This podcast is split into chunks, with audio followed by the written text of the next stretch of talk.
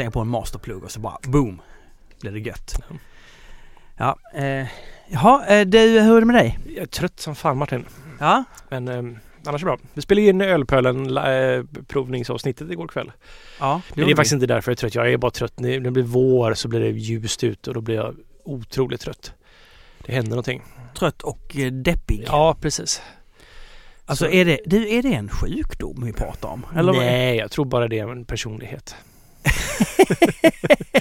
Men det här är ju ganska vanligt faktiskt. Ja, det är Det är jättevanligt. inte alls något eh, konstigt. Sen så jag vet inte, jag har funderat på om jag har någon allergi också som gör att tröttheten blir... Det är liksom, jag är liksom grus i ögonen när jag vaknar på morgonen. Det är jag aldrig annars.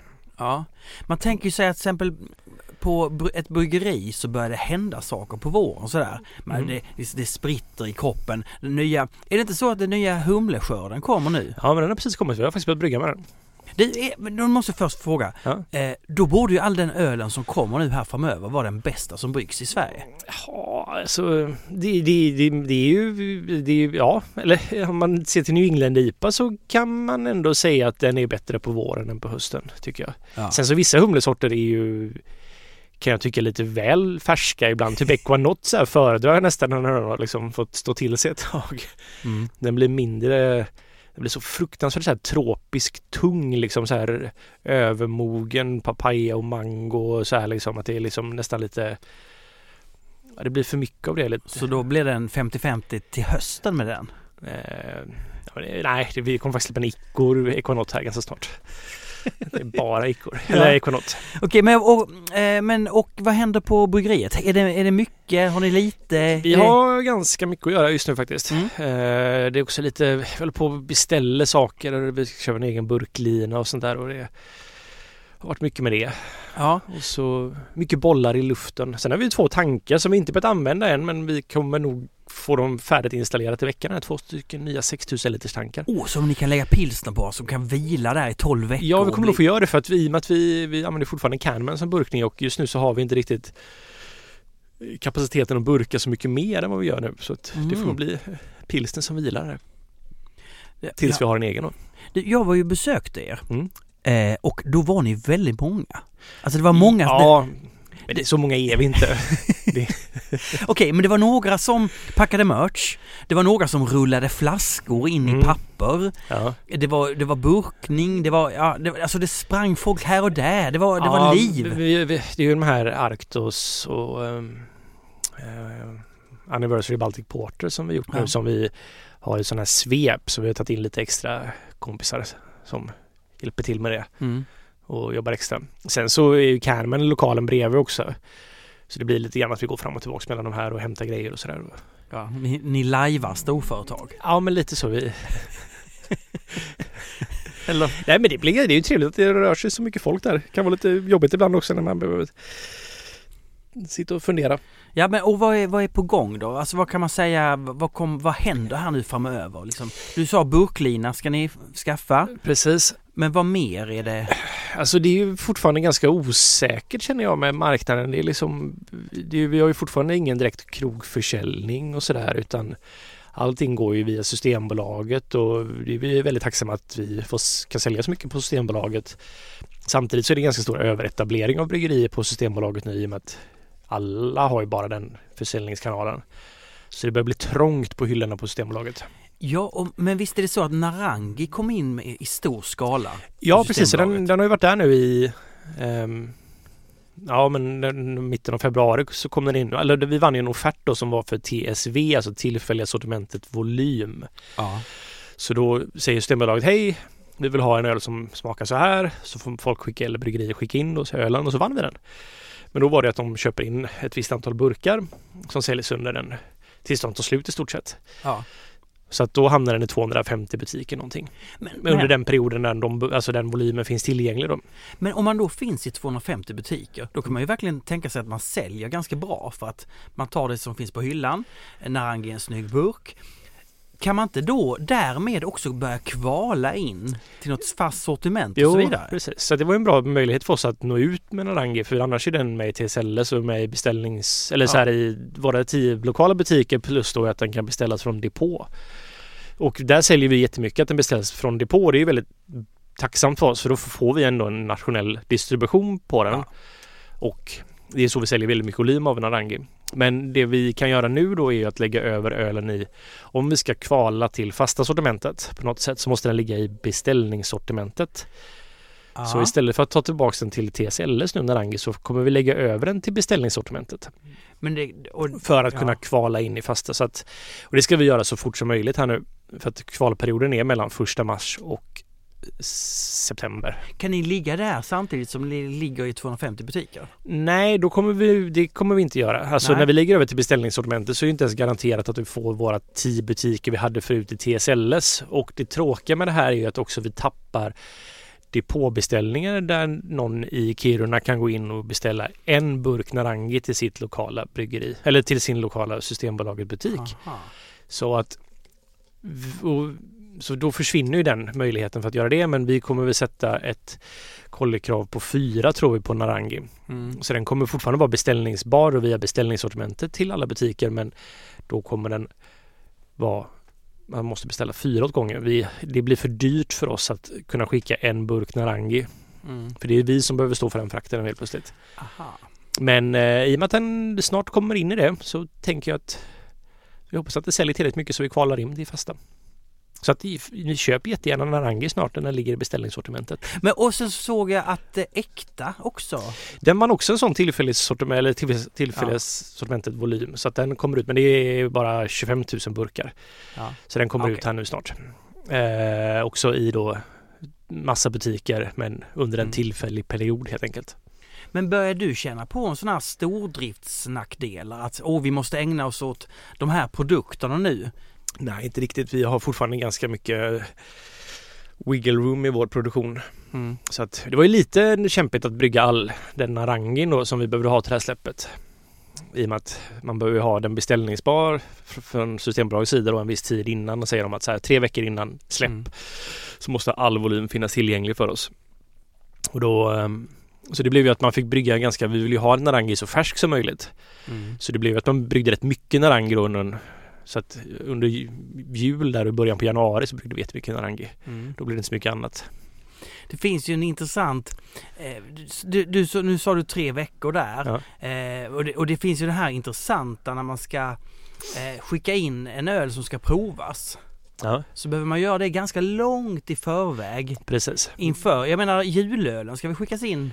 Den skickar man in eh, ganska snart tror jag. Ja, Ja. Eh, och då brygger man ju inte en hel batch med jul. Man skulle kunna brygga en hel batch med julöl om den håller men ofta vill man ju brygga det ganska tätt in på sälj. Ja, det blir ju jävligt märkligt ibland med det med Systembolaget för att det är som att så här typ ja men så här, om en julölsgrejen då. Om vi vill ju, alltså nu kommer vi ju skicka in till julölen då en öl som vi gjorde den här julen Mm. som vi har kvar.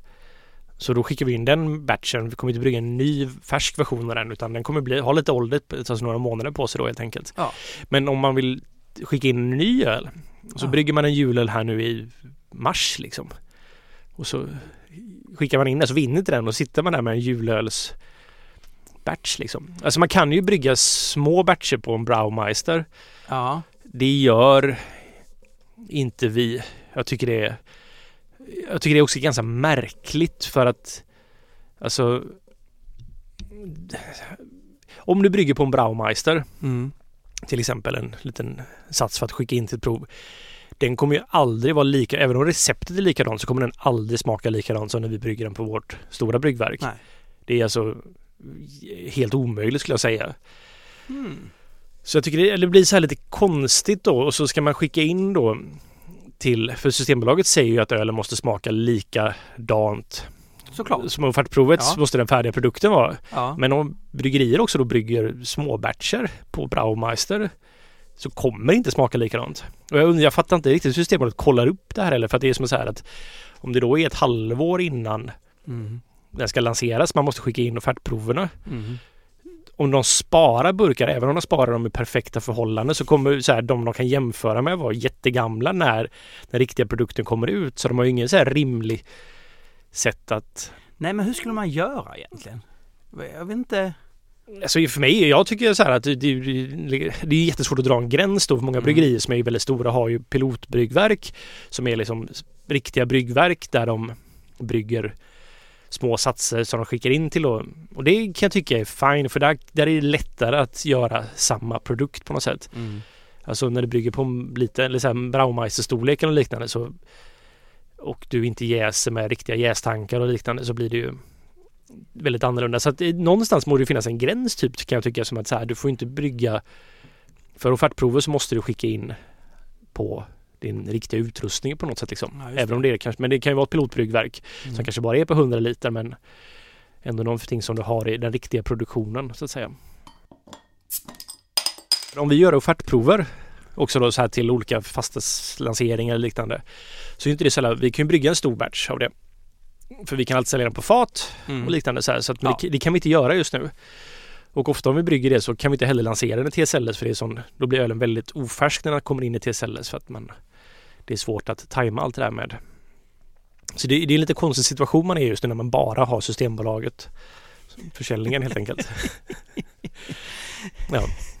Och just nu så kommer vi, det finns faktiskt lite offerter ute som är väldigt intressanta så vi kommer brygga massa öl här nu som Ja. vi ska skicka in som vi inte gjort då tidigare. Det är en grej som en Narangi så skickar vi in en öl som vi hade redan och då Ja. har vi den tillgänglig hela tiden så det är inte så farligt. Men nu kommer vi brygga lite öl som vi och jag vet inte hur vi ska sälja dem när vi har gjort dem.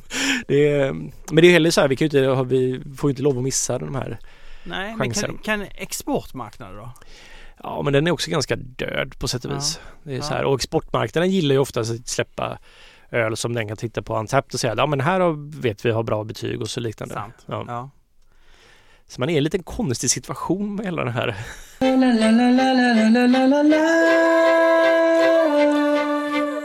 Du, i början när vi startade podden eh, så, så pratade du ganska mycket om eh, det här med open source. Hur viktigt det är att dela med sig. Eh, och du har ju alltid delat med dig av recept. Mm. Eh, hela tiden haft det som en grundprincip.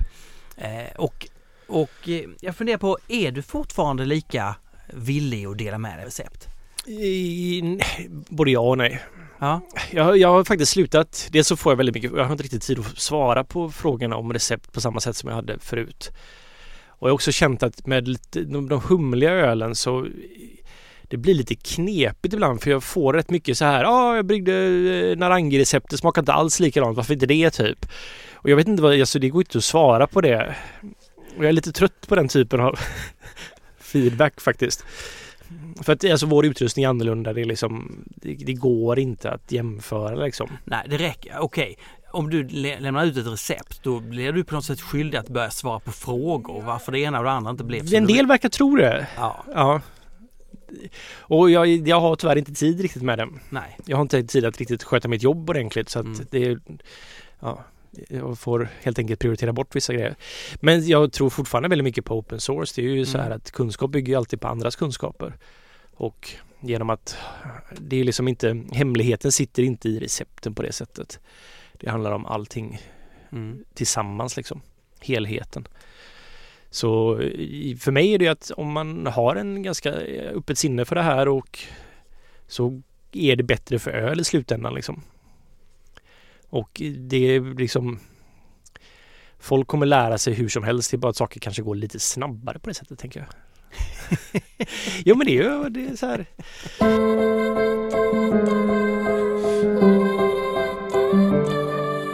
Jag lyssnade faktiskt på Hembryggning Halleluja. Mm, Detta underbara program. jättebra det. Eh, alltså en podcast eh, där med Simon och Magnus och en tredje snubbe som heter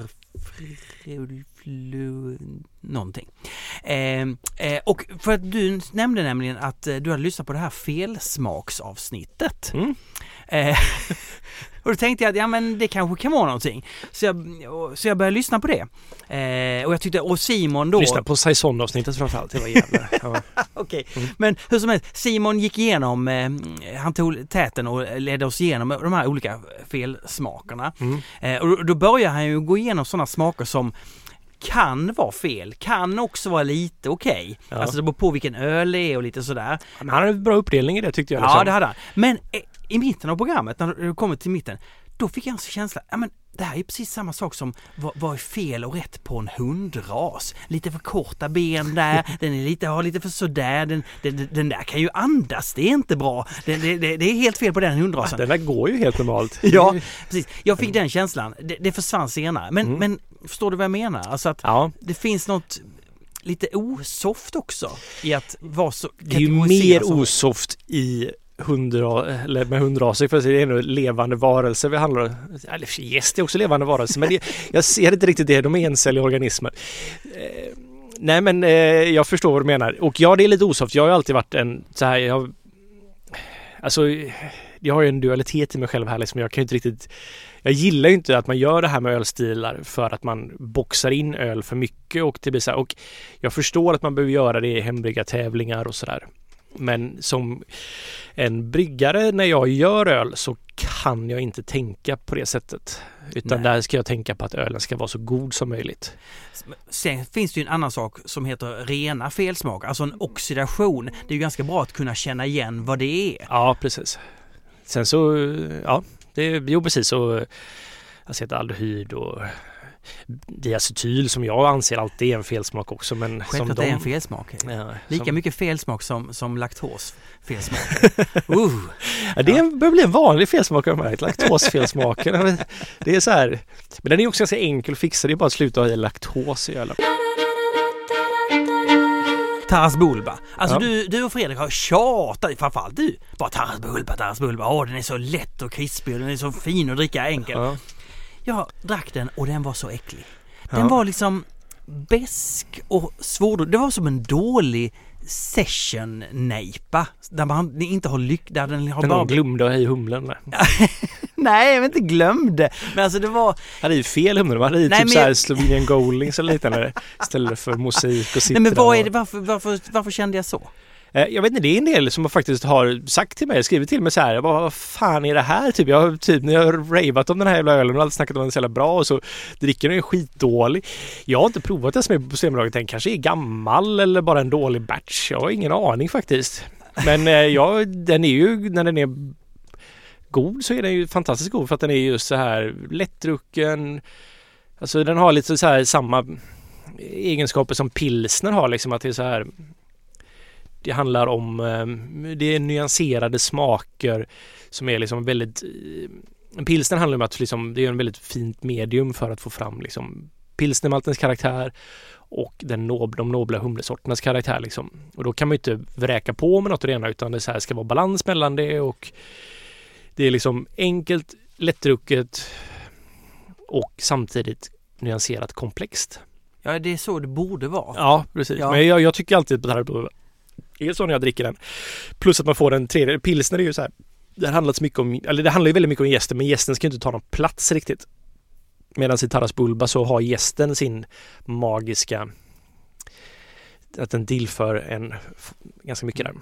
Okej. Det gör att jag hade svårt, skulle ha svårt att brygga en Taras Bulba. Jag vet inte hur de jobbar med gästen. Vad jag vet så skulle jag inte liksom kunna efterlikna det helt enkelt. Du, saker och ting, du vet när man lägger Men ner... jag ringer ju inte till nu kommer inte ihåg vad han heter på, han på Della Sen och säger att jag läste ett recept här. Min öl smakar inte alls likadant. Vad är det för fel på receptet? Det kanske du skulle börja göra. Ja. Ringa runt. Hallå! Vad gör ni? Eh, jo, det finns ju den här, den här sjuka grejen att man blir bättre på det man pysslar med. Alltså om man håller på med en sak ganska länge så Mm. blir man lite bättre på det. Alltså det, det, det, i, i första hembygdsavsnittet eh, så så var det ju några som sa det här, den här brygger jag om och om igen. Jag har bryggt den 50-60 gånger. Mm. Eh, jag är ganska nöjd med den. De var ju svinbra de ölen. Mm. Och då undrar jag, hur mycket bättre är Narangi idag än när du startade? Jag skulle säga att det är ganska mycket bättre. Faktiskt. Vi- på vilket sätt? Eh, vi har låst in jäsningen ganska ordentligt på den. Har- Låst in? Ja men vi har hittat, vi jäser med en annan jäst nu än vi gjorde i början. Ehm, vi använde S04 i början, nu använder vi London Fog. Och med den tycker jag jag får en mycket trevligare karaktär. Vi har Alltså vi använder cryomosaik nu till viss del. Alltså vi hade om vi, alltså 5 kilo cryo är ju som 10 kilo vanlig mosaik och ger en lite annan karaktär. Det är en liten piggare karaktär på någonting. Man kan inte bara använda cryo-humle men om man blandar det liksom. Ja. Så jag skulle säga att den är ganska mycket bättre faktiskt. Och den är framförallt mycket mer stabilare än den var i början. Det här Mm. varierade batcherna ganska mycket. Mm. Och det, men det är sån här om man är hembryggare så skulle jag rekommendera att så här, ha en öl du brygger om och om igen. Som är så här husölen. Och så har man Sen så kan man göra precis vad man vill med resten men att så här, ha en öl som man Ett recept som man hela tiden strävar efter för att göra så perfekt som möjligt. Så här, jag ska inte brygga exakt samma recept hela tiden utan man ska ju liksom bygga på då en öl där man har en så här Här vet jag vad jag är ute efter. Här vet jag vad jag vill nå fram till och försöka nå dit liksom genom att skruva på det här receptet. Och det, ja, det, det tillsammans med den här experimentlusten som man kan göra med resten av ölen kommer göra att man blir en bättre hembryggare. Eller så har det funkat för mig som kommersiell bryggare i alla fall. Det har varit viktigt att ha de här ölen där man vet vad man är ute efter. Man har liksom så här en klar idé om man vill men man når inte riktigt fram men man ska försöka nå fram och göra den bättre hela tiden. Du, jag tror att vi är ganska oförskämda. Jag började leta tillbaka i sådana här olika flöden och så, så såg jag den där frågan, har vi svarat på den? Nu menar jag inte att vi måste svara på alla frågor för det var ju också det var oförskämt mot oss själva så att säga. Mm. Men eh, jag tänkte ändå att jag, jag, jag testar de här frågorna. Ehm, Som vi kanske har svarat på tidigare eller kanske ja inte. precis, nej men jag, jag glömmer ju allting Ja, ja. som jag håller på med. Sen, det här är ju också ditt jobb Martin. Jag bara säga att det är inte jag som är oförskämd. Det, det, det är helt sant. Det är sant. Det är, absolut, absolut. Ja, ja. Alltså, men, Nej. äh, jo, jo, jo. Alltså, vet du hur många gånger jag har dubbelbokat mig de senaste veckorna? Ehm, nej. det vet du inte. Tre, fyra de kan på två veckor. Jag är lite oförskämd. Jag kommer ju alltid för sent till alla våra inspelningar. Det är sant, det är Mm. sant. Jag Så vi, kör det med dottern nu. Alltså, hon, vi sa vi går kvart i. Tio, när klockan var tio i, så då sa jag inte varför kom du fem minuter för sent? Då sa jag bara så här, ja nu var du fem minuter sen. Ja jag vet, jag vet. Ja, men då vill jag att du funderar till nästa gång. Eh, ska du inte börja fem minuter tidigare med att börja packa ner grejer sådär? Försöka vara väldigt eh, lugn och sansad mm, och bara föreslå en lösning till nästa gång. Se Ja. framåt. mind games Martin. Nej. Ja. Du, Skanitsa skrev någon gång Ja. Kanske 2018, jag vet inte. Nej, det var inte så länge. Så, eh, det har hänt flera gånger att Olle sagt att han brukar ha ölen ni just då pratar om med på förfest när han var yngre.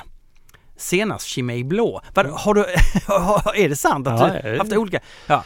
Jag Jo tror- men jag hade, det, det fanns ju inte ett stort, lika stort utbud då med många av de här Nej. som varit som fasta sortimenten som var där länge. Det var inte lika turbulent på marknaden på den sidan. Nej. Så de hängde ju kvar där. Så det var under typ formativa år för mig när jag började uppskatta öl. Som jag hade en viss så här olika öl som jag hade med mig på. Ja men så här, ja, men jag hade standardöl och så hade jag liksom specialarna. Nu, Skanitsa undrar då. ehm, eh, jag tror vi är många som gärna hade fått höra hur en komplett förfestpåse såg ut för en yngre Olle. Men vadå, jag, jag förstår inte, du skulle alltså ha med dig en hel påse? Ja, Okej, det är en påse med öl du har med dig. Ja, ja men från 2005 någonstans där då. Herregud vad jag svettas Martin. Ja, ja. Så är det. Alltså vi, Palazzot är ju ett helt svart hus. Ja, det är Eh, och ligger solen på? Så blir det varmt. Det blir väldigt varmt. Eh, jag behöver nästan fundera lite grann på det här. Kan vi ta det nästa gång eller? Oh, det, alltså det här vi kallar vi för cliffhanger. Det här kanske vi har eh, Frida Cederbratt. Känner du henne eller? Nej. Eh, jag måste make a statement. Jag och min kära sambo har försökt brygga bärs i två år och vi har inte fattat varför det alltid smakat skit. Det visade sig vara vattnet det var fel på och vill bara hälsa det eftersom Olle en gång hade sagt att det aldrig är vattnet. Du måste bara brygga bättre öl. Ja. Det det, det har man egen brunn ute på landet så ja, då kan faktiskt vattnet vara... Det jag försökte säga var att kommunalt vatten kanske är väldigt sällan problemet. Men, men, Men nu sen så om man, man får ju ta reda på vad ens vatten är ja, och så kanske man märker, har man stenhårt vatten så kanske man ska satsa på lite mörkare öl. Okej, så man kan... Ja, ja, okej. Ja, alltså typ vad fan, har snackat om så många med typ så här eh, några av världens bästa öl, Ströjs eh, och Västerleteren liksom. De har stenhårt vatten. Det, gott, det är inte så bra att brygga ljusöl där. Men Nej. de kan brygga mörköl bra. Ja, Ströjse. Fan fletern. Du, vad säger du om eh, mint i öl? Vi provade ju en öl med mint i, Va? igår. Gjorde vi det? Ja, det gjorde vi. Det var mynta menar du? Ja, mynta, äh, förlåt. Ja. Ja, jag tänker ren sån här Äh, mint. Typ mint liksom så här. Ja, alltså, du ska vara riktigt fresh i munnen efter du har druckit eh, öl. Jag tror inte det kommer funka så bra faktiskt. Varför inte då? Eh, jag vet inte, det är bara en sån här spon... Jag vet inte. Eller jag...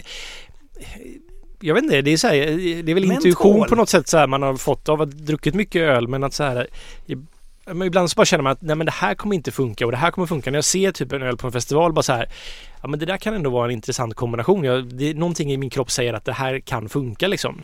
Mm. Även om det är lite på tokerna galna grejer man har i ölen. Men det är ingenting i min kropp som säger att mint, mint skulle funka på det sättet i öl. Nej. Nej, jag, jag- ska inte propsa Nej. på det.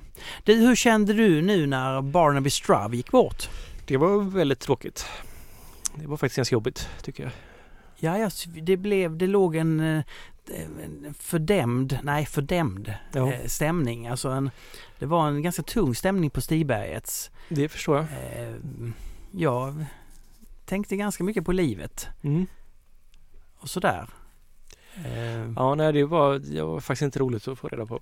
Det var en...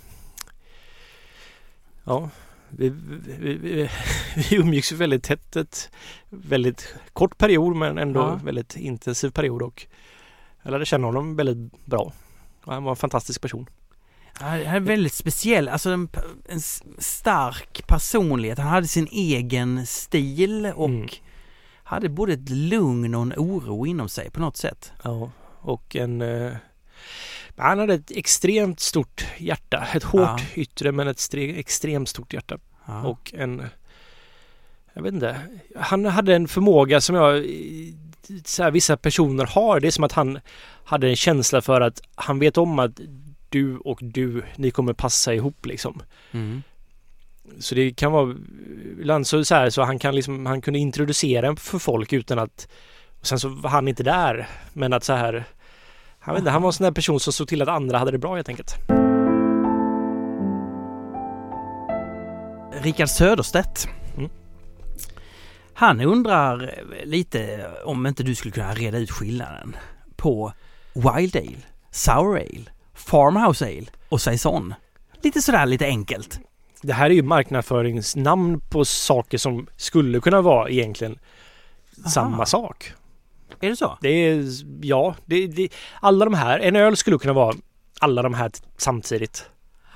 Fast det finns vissa öl som inte kan vara alla samtidigt. Det finns vi- vissa grejer som bara kan vara en saison ah, okej. till exempel. Ja. Jag fattar inte riktigt farmhouse ale-grejen. Förutom i kontexten som att... Eller jag tycker det är ett ganska fånigt namn faktiskt. Jag har lite svårt för det. ja. Farmhouse är ju typ som Quake-bönderna som gör Quake på sin bondgård. Mm. Där man liksom har tagit medlen man har och lyckas göra öl på det.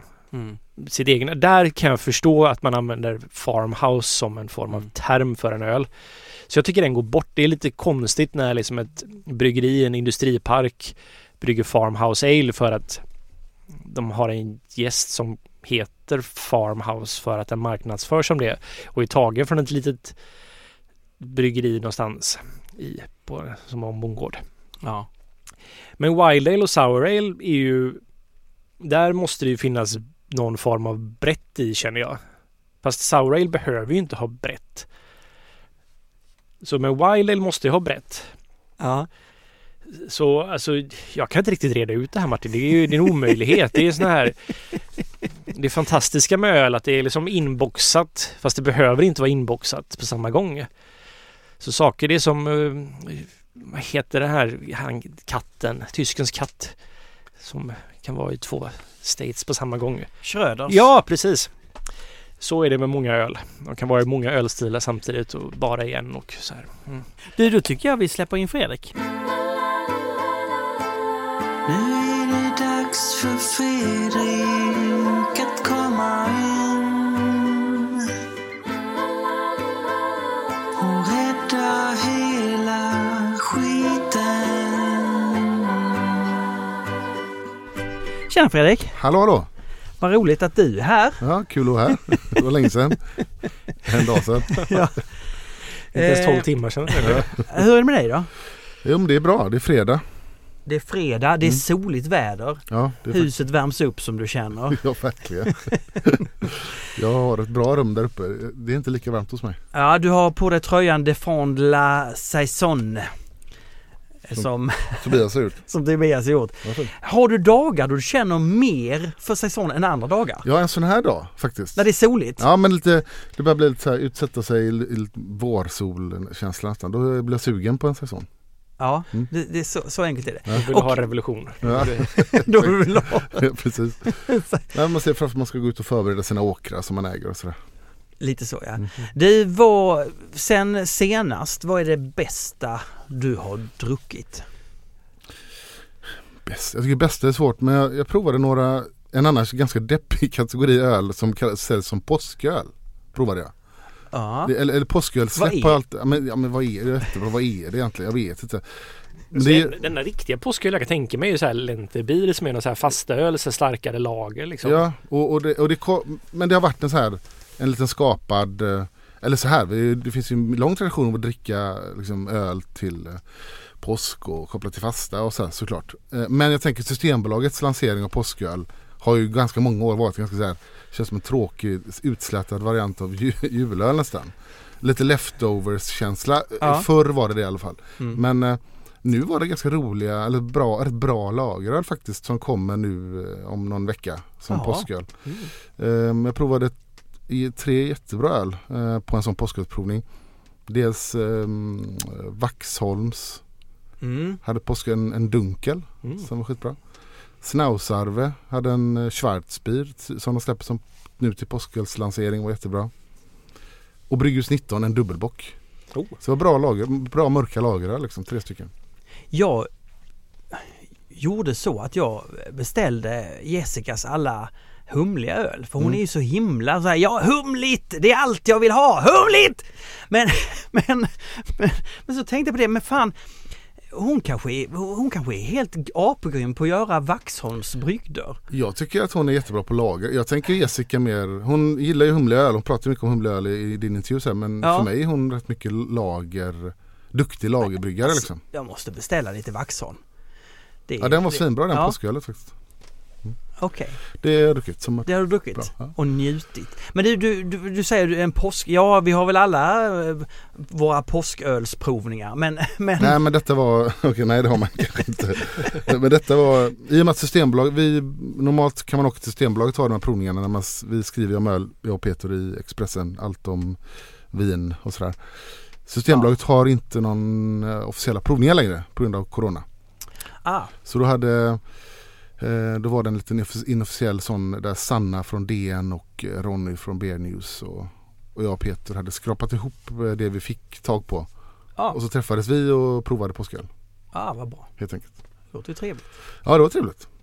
Det var det. Eh, vi provade nästan 50 påsköl. En New England IPA av alla 50. Från Nyköping Oj, ja. Det kändes väldigt jag tänkte, oväntat det är väl faktiskt. inte vi som... nej, nej, jag tänkte också det borde ni ha gjort men nej det var från Nyköping. Påskeljus. Den? Med det bästa öltiteln i år ändå, Christy Brood. jag tyckte det var bra. Ja, ja, Brood som... Ja, ja, just det. Brood.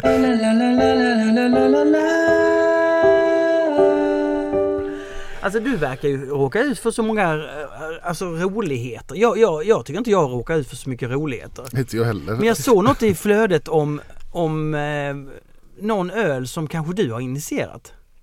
Ja, eh, alltså, eller vi. Jag, jag har med en liten överraskning. Jag fick faktiskt tag på en flaska. Vi pratade ju för något år sedan, eh, eller nästan två år sedan, om eh, eh, Gotlandsdricka, om ni minns. Eller vi pratade om att det finns inte så mycket svensk så här, svensk historisk öl som görs längre. Mm. Inte kommersiellt liksom. Och Gotlandsdricka tog upp som exempel att det finns ju amerikanska bryggerier som gör sina tolkningar av Gotlandsdricka. Som helt enkelt dricke, så dricke eller dricku som är som en eh, Ofta på, på rökmalt, den är jäst ofta med bakjäst, något man gör på gårdarna eller gjorde på gårdarna, gör fortfarande på gårdarna. Det behöver inte vara särskilt mycket humle i om något alls, behöver inte vara kok, kokt, kan vara så här rå. Um, Riktig farmhouse helt enkelt. Vi farmhouse, snackar ja. om saison farmhouse. Ja, precis. Och matas med socker, drickes ganska färskt liksom när det fortfarande jäser och mycket på bröllop. Så här. Jag har druck- druckit Gotlandsdryck på bröllop eh, på Gotland. Jag tycker inte det låter så gott. Ja, men, och sen var det så här, då, då fick jag ett mejl av en eh, lyssnare som eh, heter eh, Daniel Westman. Ja. Och han sa att han hade stått och skrapade färg på stugan på Gotland sommaren 2019. Och det var Ja. måste då vi pratade om det här precis innan. Då lyssnade, så, så hade han en hembryggare. ehm, och hade tyckt, tänkt också så här, varför gör ingen Gotlandsdricka kommersiellt? Och han hade varit och, han var väldigt intresserad av farmhouse bryggning, hade varit på den här Kornölsfestivalen i Norge. Och så när han stod och skrapade färg där så lyssnade han på Ölpölen när vi snackade om Gotlandsdricka. Mm. Och då fick han så här, shit, eh, det kanske finns någon potential, det är inte bara jag som tänker på det här. Så vi, vi pushade honom lite över kanten kan man säga. Så han har startat ett bryggeri. ja. Och som gör liksom ett farmhouse-öl och sådär. Och vi fick en eh, flaska skickad till oss. Ja, Det är ju helt underbart. Mm. Uff, nu hoppas man ju att det här är lite god ändå. Den heter Dundar.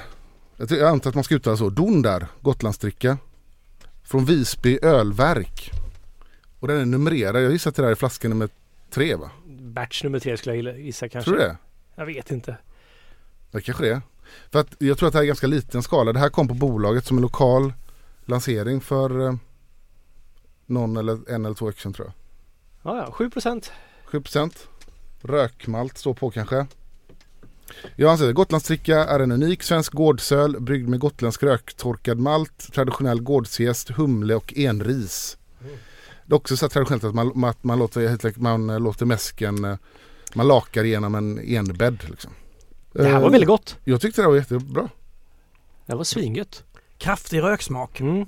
Men Mm, inte för dominerande Nej, nej, heller. nej, Den men är- alltså det, och enriset, ja. Det gör ju sitt också. Okej, och varför kan jag beställa det? Jag, jag tror inte vi kan göra det. Jag tror att den bara finns lokalt på Gotland. Nej, man kan väl... Den är nog inte i depåöl Nej. så att säga. Liksom, så att när man har väldigt liten begränsad mängd så kan det nog bara vara att den är beställningsbar till de butikerna som man har runt omkring sig. Där. Så än så länge bara lokalt men det kanske blir mer av det. Hur många bor på Gotland? Jag vet inte hur många som bor. Men befolkningen ökar ju dramatiskt på somrarna. Ja, det är sant. Jag hörde en intressant grej som jag blev så lite så här, shit det har inte jag tänkt på men det, kommer, det finns rätt mycket bryggerier på Gotland nu. Det startar rätt många. Mm. Och Gotland har ju tydligen jätteproblem med vattentillgång på somrarna. Det blir ganska ofta vattenbrist och sådär. Det har jag också hört ja. Så att eh, där det blir så här stora begränsningar i hur mycket vatten man ens kan få tag på. Och, sådär. All right. och eh, vilket kommer, tror man då, en del kan ju begränsa verkligen eh, bryggeriers möjlighet att växa och sådär. Precis. För det finns Visby bryggeri finns väl där De nu? på och bygger det nu. Ja, det ska bli ganska stort där. Ja.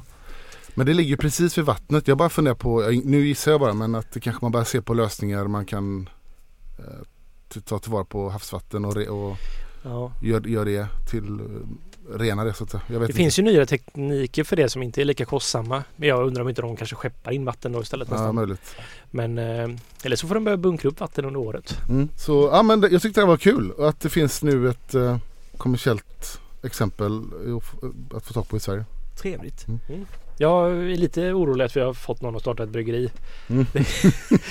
hoppas det går. Det här var jättegott så jag hoppas det går bra. Ja, att, att han inte har pansat hela sitt liv. nej precis. Det får vi ha. Eller så är det värt det. Ja, eller så blir det här en jättesuccé. Ja, eller jag menar att, att pan- pantsätta sitt liv mot att han fick göra det här. Mm. Det kan man ju också, så kan man också se det. Mm.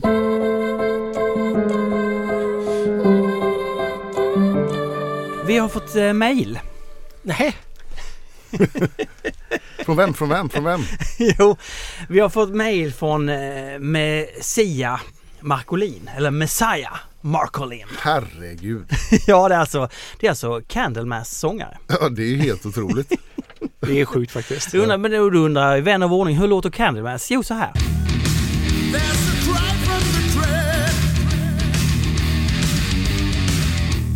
Han skriver. Hej Ölpölen Podcast. Med Seja Markolin här, just det. Gamla Candlemass-sångaren i munkåpan. Men också en dedikerad IPA-njutare sedan sex år. Det började med att jag tittade på Omnipojos genomskinliga Fata Morgana-flaska på Systembolaget. Vad är det för grumlig substans som ligger på botten av flaskan? Kan det vara humlen? Hmm. Om jag försiktigt vänder flaskan upp och ner kanske det blandas ut mer och gör att det smakar bättre. Sen började jag rulla mina IPA-burkar försiktigt på köksbordet. Sen blev rullningarna mer och mer våldsamma för varje gång.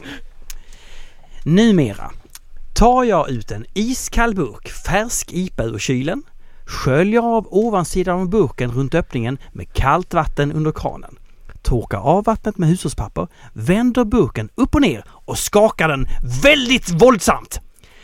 Man känner när det är klart för att burken känns mer stum. Jag öppnar burken väldigt försiktigt, men bara pyttelite så att skummet blir en krona på toppen. Dricker upp skummet tills trycket är borta.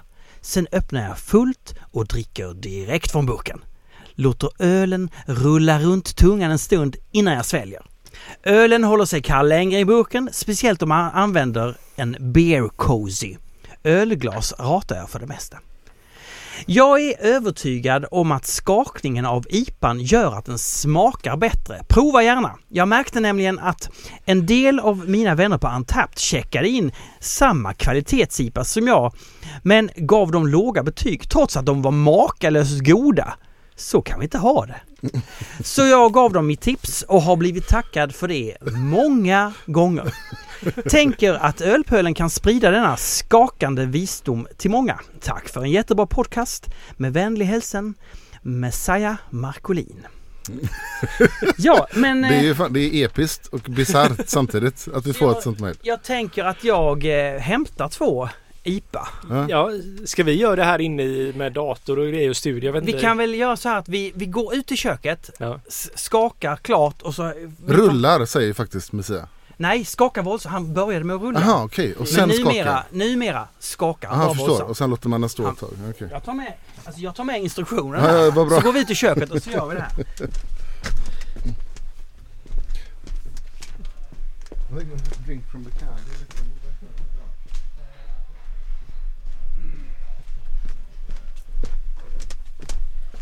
Ja, då har vi alltså genomfört eh, skakningen tills den var helt, helt stum.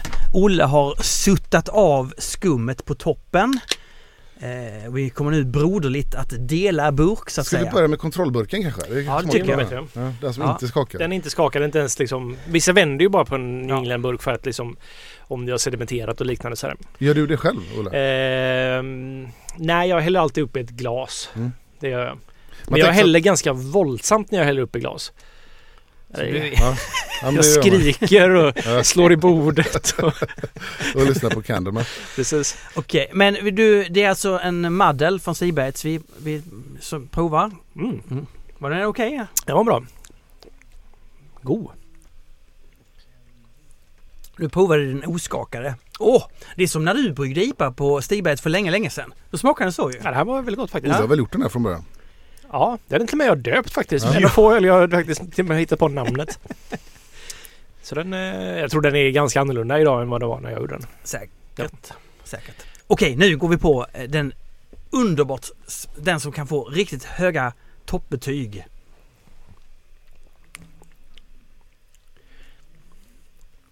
Åh! Ja, alltså Mm. den, va? Visst är den lite bättre? Det är skillnad det. Det är skillnad. Jag skulle ju dock hävda att man kan få det här av att hälla upp då våldsamt i ett glas också. Ja, det är som att den, den eh, testburken har mer, mer kolsyra vilket är lite konstigt. Att den, den är stickigare. Ja, precis. Men vilket är konstigt för den här är fortfarande Ja, du släppte ut lite kolsyra när du öppnade den men inte så jävla mycket. Nej, men jag tror man har... Eh, alltså det som det är stickigare för att kolsyran är mer i... Alltså den är ju bunden i ölen. Mer Mm. i kontrollburken än vad den är i den här som vi skakade då. För då är det lättare för den att komma ur suspension helt enkelt. Så att jag tror det här blir stickigare för att vi känner kolsyran på tungan på ett annat sätt. Mm. Det är precis Där kommer som, den ut liksom medan här är den mer utbruten För den blir ju fylligare i munnen den här. Jag vet att den utbryter men vart tog den vägen menar du? För att du öppnar den precis. Nej men det, jag trodde bara att när vi dricker den nu Ja. så är det lättare för den att Frigöra sig, ja, komma ur. Det är suspension. precis som att det, det som man kan tolka som lite humlebränna i testburken innan skakning försvinner. Mm. Nej inte humlebränna men, Nej, den här har ingen humlebränna alls faktiskt. men att den är lite plattare testburken. Men Ja, alltså jag, jag, jag håller med med Messias. Mm. Messiah menar jag. Ja, Jag, men det är därför jag vill ju att hälla upp en, ganska den är rundare också. Precis. Och det får man ju, alltså dricka ju direkt ur en burk där kolsyran är liksom välbunden, kall och det blir ju en väldigt så här ganska frän kolsyresmak som jag inte riktigt tycker är det Ja. blir bitigt på tungan liksom. Ja men precis. Medans häller man upp i ett glas eller gör den här metoden om man inte vill diska ett glas liksom. Det är ju bättre på ett sätt om man då faktiskt kan emulera den här känslan av att faktiskt hälla upp ett glas. För då slipper man den här möjligheten att glaset påverkar ölen så mycket utan här Mm. får man en ganska ren och skär upplevelse av ölen. Så jag förstår den här. Det var fan bra. Undrar det Ja. kommer från hans eh, eviga turnerande. Han har ju aldrig druckit öl ur glas förmodligen. Det, det har varit burkar och flaskor Ja, ja. liksom på scen. Men då är det inte IPA. Man får väl bara... nej, nej men, då är det bara, men principen borde Ja. i, det här handlar inte bara om humleöl. Det här, principen borde gälla även eh, tråklager. Alltså Mm. just gällande kolsyrebiten. Ja. Eh, tänker jag. Ja. Tänk om jag hade vetat det. Min kompis Henrik lyssnade på Canvas och satt på hans rum. Att man så här 30, 35 år senare så skulle man eh, få ett mail från sångaren där han pratar om hur han rullar ölburkar. Det är ju episkt. Det är det faktiskt. Då är det dags för det här. För vadå? Helena Lind ställer en fråga. Den bästa frågan i världen. Hej, här kommer en ny hyfsat invecklad fråga från mig. Och idag tänkte jag att vi ska prata lite om malt och malttyper. Så min första fråga är, är det nu som malthypen kommer? För nu har vi haft en 10-15 år av humlehype och var och varannan person, till och med jag, kan identifiera humlesorter som Cascade, Sasso alltså och Amarillo. Men malt är, som jag har förstått det, betydligt mer styvmoderligt behandlat i ölvärlden att det är mer av en standardprodukt. Den bryggerier har sin standardmalt som de baserar de flesta öl på och så kanske man kompletterar med en annan malt för att ge egenskaper. Kanske en malt som är hårdare rostad eller så. Men att kvalitetsmedvetenheten generellt är mycket lägre än vad det gäller humle trots att malten ju är oerhört viktig för ölets kvalitet och smak. Och sen tänker jag också att runt om i världen så görs det öl på en lång rad andra maltsorter. Eh, förutom de fyra sädeslagen så har jag druckit öl gjord på bland annat ris, majs och eh, sorghum eller durra som det också kallas, eh, med blandat resultat.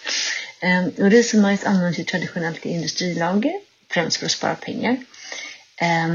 Men det finns ju också exempel på där man kan använda den här typen av malt för att lyfta smaken i en öl. Jag tänker då främst på den japanska numera klassikern Casino Nest Red Rice Ale som ju är en pale ale som är smaksatt just med rött ris, rött, ja, eller röd rismalt.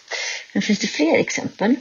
Och om nu malt blir nästa trend, finns det då andra typer av malt från andra grödor som skulle kunna bli populära eh, och kanske också andra varianter av rostning i de här otraditionella grödorna då.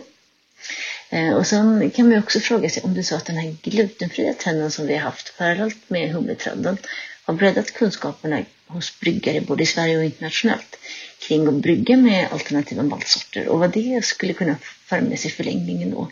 Om man kanske plockar med sig någon, någonting som man har lärt sig när man har bryggt öl med liten glutenhalt då för att, eh, till sina vanliga öl. Sen tänker jag också att kanske det finns egenskaper hos den här malten då som man skulle kunna använda när man brygger sin öl. Kanske kan syran i hirs eller bovete gifta sig med syran i en sur öl. Eh, och kan man tänka sig att bryggare i framtiden kanske brygger traditionella ölstilar eh, men spexar till det då istället för att ha i jättemycket humle så kanske man brygger med en, med en annan typ av malt och därmed då sticker ut i, i det breda utbudet. Och så slutligen så undrar jag, är det nu som den närproducerade mikromalten äntligen slår igenom på bred front? Eller är det så att den fortfarande är för dyr i förhållande till kvaliteten man får? Eller kanske att eh, kvaliteten är lite för ojämn för att det ska gå att brygga på, på mikromalt i, en stor skala. Ja, då har vi några frågor att beta av alltså. Vad bra frågor. Riktigt bra fråga. Mm. Vi, vi snackade ju om allt i våran spaning i januari 2020. Att, eh, att de kommande tio åren skulle bli lite mer maltdrivna. Att man pratar mer om mm, val av malt. Att det blir lite så här craft malt och, och sånt. Mm. Som man ser i USA. Att det kommer rätt mycket så här eh, ja, eh, vad, vad kallar de det? Hantverksmälterier helt enkelt. Som, de har en egen organisation. Jag googlade lite på det här i USA med över 80 medlemmar som gör liksom craft malt som kallar det. Mindre skala, specialmalter, eh, terroirmalter och sådär. Så ju Men har det hittills varit så att det har varit ganska över... Alltså man har inte brytt sig så mycket om malten eller? Ja, den, eh, på, det, har- jag skulle faktiskt säga att ja, det stämmer. För att det är mycket att vi vill ju bara, som bryggare vill vi att malten ska fungera och ge oss ett pålitligt resultat när vi brygger våra öl. Det är, liksom, det är lättare att vara kreativ med andra bitar i processen. Vi vill ju för våra dagar ska bli lätta och enkla och förutsägbara att vi har en väldigt stabil källa till malt helt enkelt. Ja. Så det kan ha blivit lite tråkigt där att många bryggerier som blir stora de är så här att skaffar en silo och så känner de så här att ja men då köper vi en basmalt som är billig och fungerar för oss och kör vi in den i silon och så har vi den i all öl. Mm. Medan det finns en ganska stor variation av basmalt och sådär så då blir ju det lite endimensionellt och så har man varit kreativ med andra bitar av processen istället. Men en grundfråga här är ju Spelar malten ro- någon mycket roll? Känner Ja. du någon skillnad? Ja, den spelar Okej, jättestor det är roll. ett ja där. Det är ett Mm. jättestort ja där. Eh, Ah. Och jag har ju alltid varit väldigt noggrann med det här med att ha ganska mycket olika basmalter för jag har lite känt att det är flexibiliteten som jag kan eller som, det, är min, det är min styrka framför ett stort bryggeri. Mm. Alltså det blir ju väldigt mycket malt man ska ha så jag förstår verkligen att man drar Ja. den här liksom den kompromissen att så här, ja men vi kör en maltsort till Mm. allting liksom. Eh, Medan jag alltid känt att vi är så pass små så vi kan köpa in massa olika basmalter för olika Mm. ändamål. Så att jag har ju pilsnermalt och jag har till och med två olika typer av pilsnermalt. Ehm, vi har eh, Golden Promise och vi har nu har vi Golden Promise Low Color också då, en liten extra ljus version av den. Så det. vi har ju fyra basmalter som vi Mm. använder oss av i olika öl.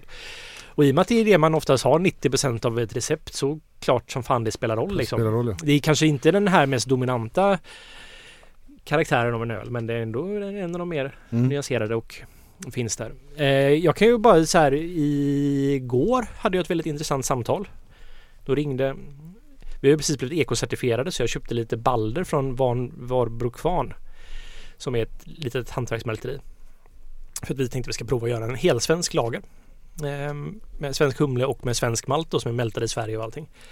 Eh, så säljarna ringde upp mig och så pratade vi jättelänge och de förklarade vad de hade för grejer på gång och sådär och ja, ja det händer faktiskt. Mm. Ja det är verkligen. Så att, jag, jag tänker Malta är ju lite grann vad Humle var eh, och är för, för, för storbryggerier. Så där man inte, Humle var det ju ingen som pratade om för i, liksom, om, man tar, om man tar makro, ö, större öl och fortfarande inte. Det är ju bara någonting som skulle ge en beska, liksom, grundbeska. Mm. Och, och sen börjar hantverksbryggerier prata mer om humlesorter.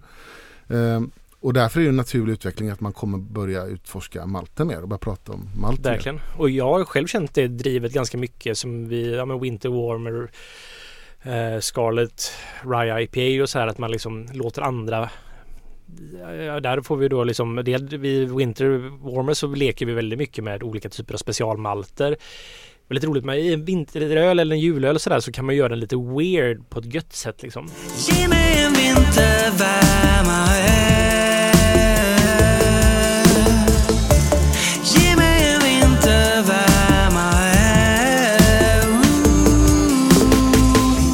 där tog vi lite specialmaltsorter som vi gillar väldigt mycket och tog ganska mycket av det för att se vad som händer och så här att det funkade jättebra. Mm. och samma sak med då Scarlet Rye är ju att man det var mycket råg och den är ju, ja, man får använda mycket specialmaltsorter, leka med miljardsmakerna som finns i liksom eh, rostad malt och karamelliserad malt och sådär. Mm. Så det kommer nog, jag tror på en liten malt revolution på det sättet. Ja, verkligen. Sen så är jag optimistiskt försiktig för att det är så här alltid när jag tror att oh, någonting är på gång här liksom.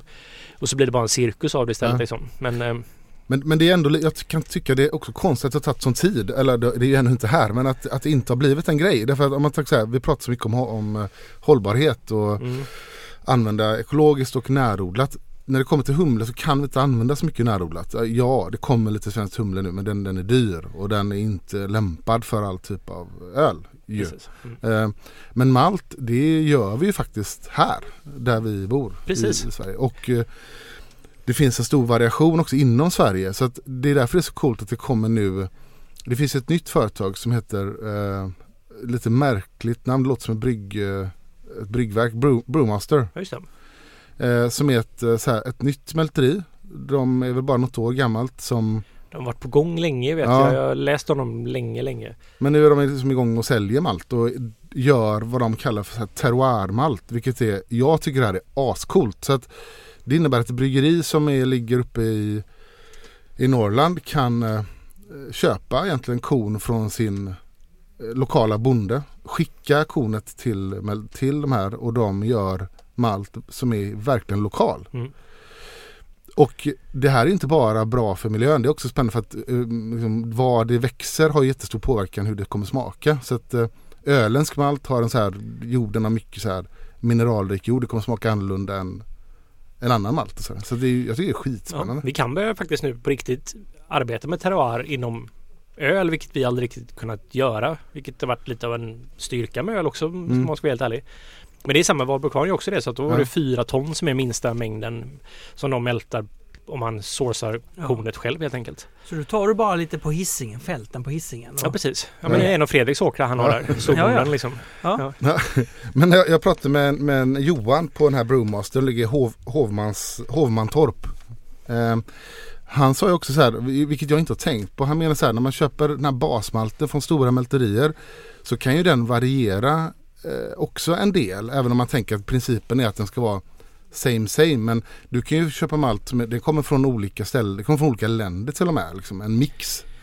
Alltså, jag har till och med sett typ eh, malt som jag har köpt har kommit från Sydafrika liksom. Ja. Alltså kornet är sourcat därifrån. Så att det här bilden av att en mindre så här craftmälteri att det skulle vara så att, att kvaliteten varierar något enormt. Så behöver, det kan nästan vara tvärtom. För att om du köper från samma ställe hela tiden så, så kommer den vara ganska konsistent. För du blandar inte kon, det är olika konstorlekar sen när du blandar från olika, eh, ja, olika länder och det kan vara jättestor variation. Men här Sen, en, så, ja. och sen så börjar jag säga stora bryggerier som har kontrakt på humle. Vi har ju inte ett kontrakt, eller på malt Malt, som nej. har kontrakt på malt. Och, men stora bryggerier har ju kontrakt på malt och då får man ju så här en kravspel så att det måste vara inom Upp- den här okej, eh, spexen liksom. Det har inte jag så ja det kan variera en del faktiskt mellan eh, även från de stora. ja. Eh, Men så, och så berättar han att det, han har börjat, de har mer och mer kontakt med, med bryggare som ringer upp eller kommer dit och säger så här. Jag skulle vilja ha en, istället för att säga så här. Jag vill ha en köpa pilsnermalt eller pale, pale ale malt. Så så här. Jag vill ha en malt som har de här karaktärsdragen. mm. Det vill säga att, att det är mycket friare liksom, kring vad man eh, vill ha och vad man beställer. Vilket är skitspännande tycker jag. Och jag tycker det här är en väldigt viktig utveckling för att vi som bryggare har ju varit väldigt långt ifrån malten. Jag förstår varför de heter Brewmaster för att du, jag tror det är utbildningen för att bli mältare är ju också att du är bryggmästare så här. Så att på ett sätt så kan de nästan mer om processen än vad vi gör bara det enkla. Så att det är liksom att, att vi kommer närmare den här biten och är med och det är alltid bra när så här, det, det var som två helt olika grejer. De gjorde för oss och vi använde deras produkter men vi hade ingenting med deras produktion att göra. Och så är det ändå så här att halva arbetet är gjort när vi får malten. Mm. Och om vi kan bli delaktiga, eller båda parterna kan bli delaktiga i hela processen tror jag är ganska viktigt för Mm. ölets utveckling. Du har alltid längtat efter att komma närmare malten Olle. Väldigt, väldigt mycket. Ja. Ja. Men i princip skulle ni kunna göra en hissings... eh, I princip Malt, ja, om vi eh, skulle få tag i ja. Hisingskorn ja. Med fyra ton då? Eller? Ja, då får vi mälta fyra ton. Jaha, ja, det var minimikravet. Ja, det är minimi. Men det är ju inte så vansinnigt mycket faktiskt. Det var mindre Nej. än jag trodde det skulle vara. Men, ko- det är väl det en- även Bruma, var det, det var på var, var Ja, precis. Det är väl deras, vad de, deras tunga Ja. klara där liksom. Eller det här behöver. Och Varberg Kvarn är ju, de är ju kända för att ha, så här, de har lite fokus på vad de kallar så här, kulturspannmål. Mm. Och, eh, och vad är det? Ja, men man kan väl säga, jag är ingen så här spannmålsexpert men det har ju varit så en väldigt tydlig här, utveckling när det kommit även till bröd. När allting industrialiserades så har det blivit så här, ja, men man har tagit fram så effektivt eh, vete och korn som möjligt som bara växer skitfort och som ger en stor eh, skörd. Liksom. Ja, Men det har också påverkat smaken kanske negativt. För då kommer vi in på då har ju dikterats villkoren från de som odlar kornet som är det om vi då är sista steget och andra steget är mälteriet så är ju bönderna då det första steget. Så där har det dikterats från deras sida att de vill ha någonting som är enkelt att odla Mm. med bra profit för dem på ett sätt liksom. Ja. Det kanske inte är den bästa malten att mälta och kanske inte den bästa Nej. malten att sen brygga med då. Så om man, typ som Balder då som är ett kulturspannmål som Mm. Valborg Kvarn använder som är en gammal maltsort som använder i Sverige som har kanske sämre egenskaper på fältet men ändå funkar bra där men bättre egenskaper i slutprodukten liksom. Ja, men sämre utifrån kanske hur, den, hur effektiv den är att odla. Men, Exakt, ja. men den ger, alltså, de här ger ju högre så här, näringsinnehåll, högre mineralinnehåll, högre proteininnehåll. Många av dem. Alltså, det finns ju massa eh, fördelar. Kanske inte alltid för ölbryggning men det är bättre produkter liksom. Jag tycker det är skitspännande. Men, men du verkar ju ha hoppat på det här i ett försök nu här Olle. Alltså kommer fler bryggerier att göra detta? Det är absolut. helt övertygad. Det är, det har redan, vi är ju inte så supertidiga på det här. Nej, vi har ju bryggt med Balder för ett, mer än ett år sedan. Ja. Också 2019 bryggde vi en eh, Saison, en Swedish Saison med Mm. Baldermalt och sådär men eh, eh, Mm. Remmalöv har ju gjort det här tidigare. Och Och, Spike Ja, gjorde ju det precis. Gbg Beerweek-ölet förra året. Och så. Ja, Okej, så att, och det här intresset då, det är lite som Helena frågar om, om det kan komma andra i, i kölvattnet på det här, andra grödor som man Det- kan slänga in. det Ja. tror jag väl, för jag, det finns en form av så här glömd hantverk i det här att faktiskt brygga Mm. med andra grödor än korn. Det är ju lite eh, tyskarnas fel känner jag. Mm. Att det blivit just korn som är så Mm. Att det är det som är rätt att brygga på när man ska göra öl. Och det är ju så här i Afrika som har ju bryggt med jättemycket olika typer av eh, det är, alltså man skulle, där skulle man kunna kalla det riktig farmhouse ale också då att man Mm. har faktiskt kunnat brygga med andra grödor också. Ja. Och jag tror det kommer Dels så kommer nog eh, det här letas upp och man kommer eh, börja experimentera med det. Mm. Vad är det för, är det, är det majs vi pratar? Nej. Nej, Nej. nej, det är Men så här hisch, eh, Ja. bovete. Ja. Eh, jag läste om ett amerikanskt, skrev upp vad det hette. Kernsa. Som är någon supervete som amerikanska bryggerier börjat Aha. testa nu som också har så lite nötig, kryddig, Det är jordig sädesslag vi karaktär. pratar här. Det, det är liksom den typen av... Ja. många saker som kanske gått förlorade på fältet för att det inte varit lika bra eh, att Mm. odla då Mm. ur ett storskaligt perspektiv kommer få lite comeback tror jag. Och att man kommer... Spält, spältvete. Ja. Det är också en sån grej som det, det är också så lite kopplat till farmhouse och saison och sånt att man gör. använder Och när jag pratade med den säljaren så berättade hon en intressant grej. De har ett råg, ett rågslag som de använder som gör Alltså råg ser ut ungefär som korn vanligtvis man ser det i fältet liksom, eller vete. Så här, det är, jag kan inte riktigt, om jag inte går in fram och tittar på dem så vet jag inte riktigt. Som är jättehögt eller? Jätte, jättehögt, två och en Ja. halv meter höga. Jag har förstått också att kulturspannmål och den typen av är, blir skit, växer skithögt och har ganska djupa rötter så att Ja. den får tag i näring lätt och blir inte lika motståndskraftig heller mot eh, eh, ja, fiender, röta och Ja. annat. Liksom. Aha. Så det är jättemycket som kan hända där. Jag, jag är försiktigt hoppsam, hopp, hoppfull, hoppsam till det här. Hoppfull till det här. Ja, och tänker man vad det kommer leda till sen. Det kommer leda till mycket mer Saison. Ja. Men maltdrivna öl och saison är ju viss- visserligen ganska gästdrivet men du kan ändå känna eh, tydligt i en säsong vad det är för en. Men råvarukaraktär. Ni menar att man inte skulle hålla på och experimentera med det här med en New England IPA eller?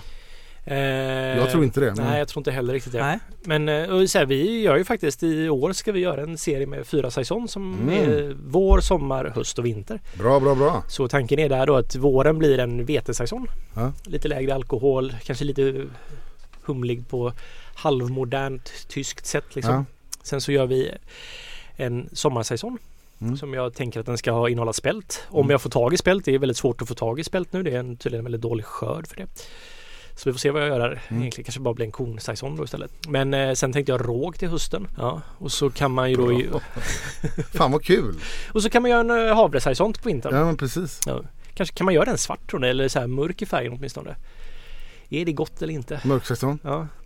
Kanske inte så mycket rostat egentligen. Nej men, inte rostad. nej, men typ mörkare färg. Man kan använda mörkare karamellmalter som Ja. Ja. Och det skulle vara grymt om det gick att få tag på lite, nu är det svårt kanske men någon lokal, lokalt också. Jopp. Hon hade ju också en ingång som handlar om glutenfritt. Mm. Ja och det är också spännande för att, ja, förlåt, Ja, de, ett par av de här det, är ju, det är ju gluten, hisch är ju glutenfritt Precis. och Ja. även eh, bovete Bovete är är, glutenfritt och så, här. så Mm. det finns ju förutom att det finns spännande liksom, spannmål med spännande nya smaker så är de också glutenfria vilket kan vara bra för en del. Precis. Jag inte, den, den är jag mindre osäker. Liksom det är så här, I USA så får man ju typ, där ska man ju nästan ha två separata bryggverk om man gör glutenfritt. Det får liksom inte ens finnas Okej. restpartiklar. I Europa så har vi en minimigräns. Kom inte över den här. Så får du kalla det glutenfritt. Och då finns det enzymer vi kan tillsätta som gör att det väldigt enkelt kommer ner till den. Så jag tror den ekonomiska incitamentet för att prova det här för att göra glutenfritt är lite för låga i Europa. Medan i USA så tror jag det kanske händer mer för där har man en nolltolerans på ett annat sätt. Och det handlar om efterfrågan där också. Jag gissar att i USA så är efterfrågan på det glutenfria enorm. I Sverige är det väl inte riktigt lika stor, eller? Jag skulle nog tro att vi är ganska hög efterfrågan på gluten i Sverige. Men jag, vet- nu gissar jag bara, jag vet Mm. faktiskt inte. Men man kan ju misstänka att det är någonting som kommer öka, eller folk kommer ha mer, mer och mer problem av det här. För folk får ju mer och mer problem med saker. Så det kan bli så. Ja. Eh, vad var det mer jag tänkte på? Eh, jo men han Johan berättade också att det går ju också att mälta. Jag har, inte, jag har aldrig ens tänkt tanken. Du kan ju, och hon nämnde ju det också Helena. Att man kan, man kan ju mälta ris. Mm. Eh, och de hade gjort det som experiment eh, till han för att se. Och, och då, då änd, det är inte bara att, ja det ändrar också karaktären på smaken. Och, så det finns ju skitmycket att experimentera Ja. med inom det. Och mm, sen så kan vi tänka på andra saker också som till exempel de här eh, Empirical Spirits i eh, Köpenhamn som gör, de destillerar visserligen då, men de gör ju på ris väldigt mycket. Eller på, eller de koji fermenterar eh, korn, förlåt, inte ris. Och då eh, får man ju samma effekt som mältningsprocessen fast det är en fermentation att stärkelsen omvandlas till socker. Helt enkelt. Ja, skitspännande det de Eller vänta nu. Jag kan inte den processen. Men du menar de här stora, när de står och vänder. Jo men det är ju någon form Jo, det aktiverar, nej, det aktiverar kodefermentering aktiverar enzymen i alla fall så man kan Ja, för det är någon form av liksom lite ånge, vatt, vattenbaserad... eh, När de håller på och vänder. Har du sett hur de... Ja, jag har sett det. Jag har varit här. Och det är ju, vänta du ska bara tänka vad som blir rätt här nu. Koji-fermenteringen, om, jag tror det aktiverar de här enzymen i alla fall. Så det är ju en, det är ett alternativ till mältning faktiskt också. Som eh, gör att man kan vinna ut och sockret ur eh, stärkelsen som finns i det här. Mm. Alltså det, det känns som att det är ganska spännande. Det finns mycket att utveckla i ölbranschen Ja. framöver. Ölbryggning och... Precis, för det finns ju den här, det är ju en, om den mentala bilden släpps om hur öl ska göras. Liksom så som den det är, ju- det är ju lite tyskarnas fel igen. Mm. Att de har så här, så här ska öl göras och det är så här finns inget annat. Men det finns ju så mycket kulturhistoriska drycker som har gjorts på olika typer av grödor med olika typer av tekniker. Och släpper vi lite den bilden vad bryggning faktiskt är så kommer nog det här leva upp liksom. Ja, och jag tänker att här är också en ingång att, att bryggerier i Sverige kan bygga på någon form av lokal förankring som de inte kan på grund av vår hårda restriktion kring alkohol. Man får inte sälja sin öl i de lokala, ja Systembolaget, men eh, ni vet vad jag menar, lokalt i sina lokala matbutiker eller ha gårdsförsäljning eller någonting. Men nu kan man ändå, det här är ändå en liksom, liten eh, liksom, tråd in i det genom att man kan använda lokal malt exempelvis. För då finns det ju någon form av Men jag koppling. också sen så här att det kommer kanske att bli en liten uppdelning så här att jag, för jag känner ju ändå så här att ja, men bryggerier är bryggerier och det är liksom den att man har ett bryggverk och det handlar om att man ska använda malt som oftast då kommer från korn och att till exempel om ett kombucha tillverkare är ju en ganska lik process där på ett sätt att man blandar någonting och så jäser man det och sådär att jag tror det kommer starta ställen som kanske är att bryggerier kommer vara bryggerier och det definieras som att man brygger med liksom spannmål på det sättet. Och sen så kommer det komma massvis med saker som gör någon form av som har lite friare ramar helt enkelt. Ja. Att det kanske kommer det är inte helt säkert att det är bryggerierna som kommer göra det utan det kan vara andra aktörer. Ja men också. exakt. Men sen är frågan hur stort det kommer bli. Det är jättesvårt Ja. att veta. Om det kanske är fortfarande kommer vara en liten nischgrej om fem år. Det vet vi inte. Men- men lite namnet och tanken med Symologic är ju att det ska vara friare på det sättet att man kan eh, Man behöver inte använda sig av bryggprocessen utan det handlar ju om symologi att man ska kunna jäsa saker bara egentligen. Ah, Coolt. Jag har inte kommit dit än. Men det var, det var lite grundtanken i Det inte jag tänkt på. Det jag tänker är att eh, det hantverksbryggerierna gjorde var att specialisera ölen mer och göra den lyxigare, ännu godare med, med specialhumle. Det blir dy- dyrare tillverkning. Nu kan vi ytterligare fördyra tillverkningen och göra den ännu mer nischad och specialaktig. Finns det, det, det finns ju också den aspekten att, Ja. eh, som, är, som är både spännande eh, men som också kan vara dyrifierande Ja. Ja, det kan det vara. eventuellt. Det känns ju inte som att det här kommer att bli billigare. Det är väl svårt att tänka mig. Alltså att om du ska skicka din, eller? Nej, det tror jag inte. Det är mindre skala och så här, Mm. det kommer säkert bli, det, det kommer inte göras av ekonomiska skäl. Ja. Liksom. Nej, Men saker ska väl inte bli billigare? Det finns, vad, vad är det för mening att göra saker billigare? Ja, sälja mer av dem. Ja, Ja. och, och det, det kan inte vara rätt. Ja, med alkohol finns det ju en eh, dubbelsidighet i det faktiskt. I och med att det är skadligt. Mm. Ja, ska vi samhället. tacka Helena för den här frågan? Jättebra fråga. Ja, mycket bra. Grymt. Tack så mycket. Jag Totalt, måste ta, ja och kaffe och vatten.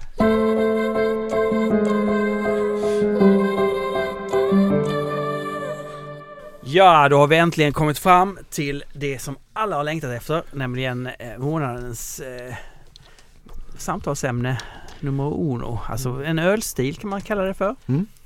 Mild. Mild ja. Mm, det har nog inte alla längtat efter. Nej. Alltså, om man tänker så här, det kanske har varit den mest osexiga öltypen, alltså all, sett som den mest osexiga öltypen de senaste 20 åren eller? Mm. Det, om man var på så här MBCC eh, för ja, 10 år sedan, 5 år sedan. Så då fanns det såklart eh, massa så här, eh, spänna musklerna öl. Men ibland så började de göra lite så här, ja men det fanns lite pilsner. Det fanns till och med så här nästan lite inte, rislager. De, de gjorde ju liksom saker Och alltså, som... pilsner kom för typ två år sedan på NBC. Ja det är sant. Det- Men, men det fanns ändå, ja. de gjorde ändå vissa öl som kanske inte bara var monsteröl. Men Nej. att hitta en mild där var ju helt otänkbart. Det, det var ju surölen det som fick stå för det balanserade och liksom Ja, nyanserade och sådär. Ja. Så det har ju varit så här otroligt osexig stil. Alltså det är ju ganska lätt att göra narr av mile Ja. faktiskt. Och det har väl jag gjort några gånger. Men kan man, kan man kalla det för lite svagt, lite för svagt blandad saft liksom? Vill man ha det? Ja alltså. eh, eh, men framförallt är det ju en puböl och vi, vi ville prata om Mile också för vi pratade ganska nyligen om bitter. De här två Ah, ha, har ju ett starkt släkt, släktskap rent så här kulturellt och det var under 1900-talet var ju de här två de stora pubölen liksom, mild och bitter. Mm. Ehm, och framförallt något som man ska dricka på kask är väl så här. Så mild på flaska och burk eh, har ju inte heller alltid funkat så bra. Och när jag läste han här, Ronald Patterson, det är ju nog han som har skrivit mest om mild i världen. En ölhistoriker som skriver, gett ut hur mycket som helst. Där han, han går igenom gamla bryggarloggar och, och bryggloggar och, och Skriver ganska roligt. skriver roligt. Ja. Men det är lite, ibland lite svår, svårt att hänga med kan jag tycka. För Ja. det är som att så här, allting refererar till någonting som man borde läst innan sådär lite grann. Ja, han är, precis. Han, man får kunna en del om man ska fatta allt han skriver. Liksom. Men han har skrivit ganska mycket om mild. Och det är väl den som ses som så här mild-auktoriteten i världen. Då. Och om man bara börjar varför mild blev så osexigt så han menar mer att det var ju, fanns ju ingen annan öl som var så starkt förknippat till eh, äldre män. Eh, det är ju en, det är en stark faktor att något ska bli impopulärt till slut. Och när det kommer unga nya konsumenter. Din pappa och din farfar drack det liksom.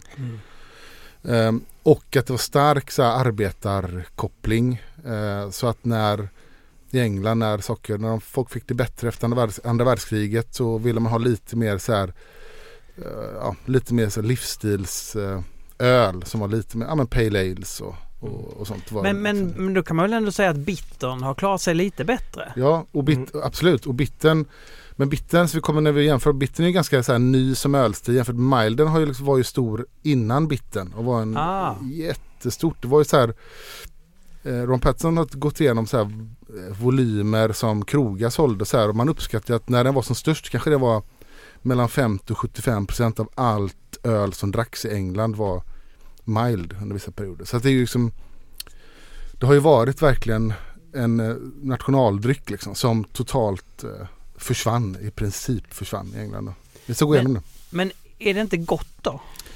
Jo, alltså jag tycker att det är jättegott om man får Ja. det återigen som kask och i bra skick liksom, så är det ju otroligt drickbart liksom. Det, för mig kräver det lite kasken för att jag ska tycka att det är jävligt gott med mild. Faktiskt. Ja. Eh, det blir lite annorlunda när man eh, får det på på en förpackad. Ja, det är så. Men vad är det som händer? då? Vad, vad är, hur, hur kan du beskriva Jo men ofta skillnaden? saker som har lite enklare smaker i sig. Det är ju inte så mycket alkohol som Mm. gör att det liksom som binder smakerna och förstärker det utan det är ju det är en maltighet där. Det är ju inte så mycket beska men då serveringssättet av kask gör ju att den typen av smaker kommer fram enklare. Och Mm. kolsyran kan ju maskera smaker. Och det märkte vi då när vi gjorde det här testet med um, Mandel här förut. Mm. Att ja men serverar man någonting med lägre kolsyra och lite så här får luftas lite grann när man häller upp det Mm. och sådär så då för man fram den här maltigheten som ändå gör milden bra. Helt. Men den behöver man då inte, den behöver man inte hälla i kraftigt. Den är redan så eh, dekolsyrad. Ja, man vill ju gärna slå den i alla fall lite Nej, men sen så blev den också, den när den försvann från England, den blev mindre populär så kunde ju inget, inget annat land plockade ju riktigt upp den. I, om man tänker så här traditionella ölstilar i England som gick ner och försvann. Eh, som porten försvann under 1900-talet. Ah, I, I England. ja. Men den, den hade ju ett liv på andra ställen i världen. Den ändå puttrade och levde på lite grann. För att det hade varit en exportprodukt. Samma med, med, liksom, med Pale Ales och lite sånt och IPA.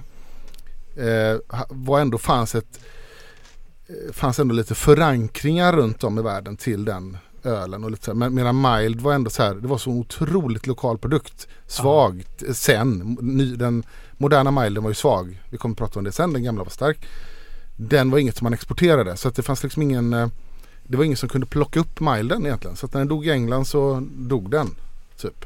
Mm. Ehm, ja men eh, lite grann så har det börjat pratats om den nu de senaste åren när det har varit en session, liten session-trend sådär. Så det är lite bryggeri som börjar plocka upp den men det, det är ju ingen stor grej. Och, Nej, det får man inte säga. och vi måste lägga till, vi, Stigberg har släppt en uh, folköls eh, mild. Så Ja. bara, det visste ju inte vi, jag visste inte det när vi valde det här temat så det här är inget, eh, vi ska prova den sen. Så att det inte är, inget Stig, sponsrat det är inget inlägg. sponsrat inlägg vill jag vara väldigt tydlig med att säga. Absolut. Den kanske till och med är äcklig, vi ska prova den sen. Jag har inte sett några Nej. pengar i, från den här pölen. så att, eh, från det hållet. Så att, Eller så är den jättegod, vi får se.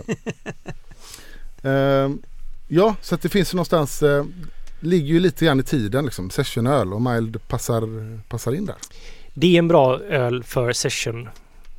Alla öl passar inte som session helt enkelt. Men Mile gör det Ja. helt enkelt. Och i Sverige så är det ju två bryggerier som har genom åren hållit i det lite grann. Det är ju eh, Nynäshamn har ju släppt lite milds Mm. då och då. Mellsten mild har de släppt vid några tillfällen.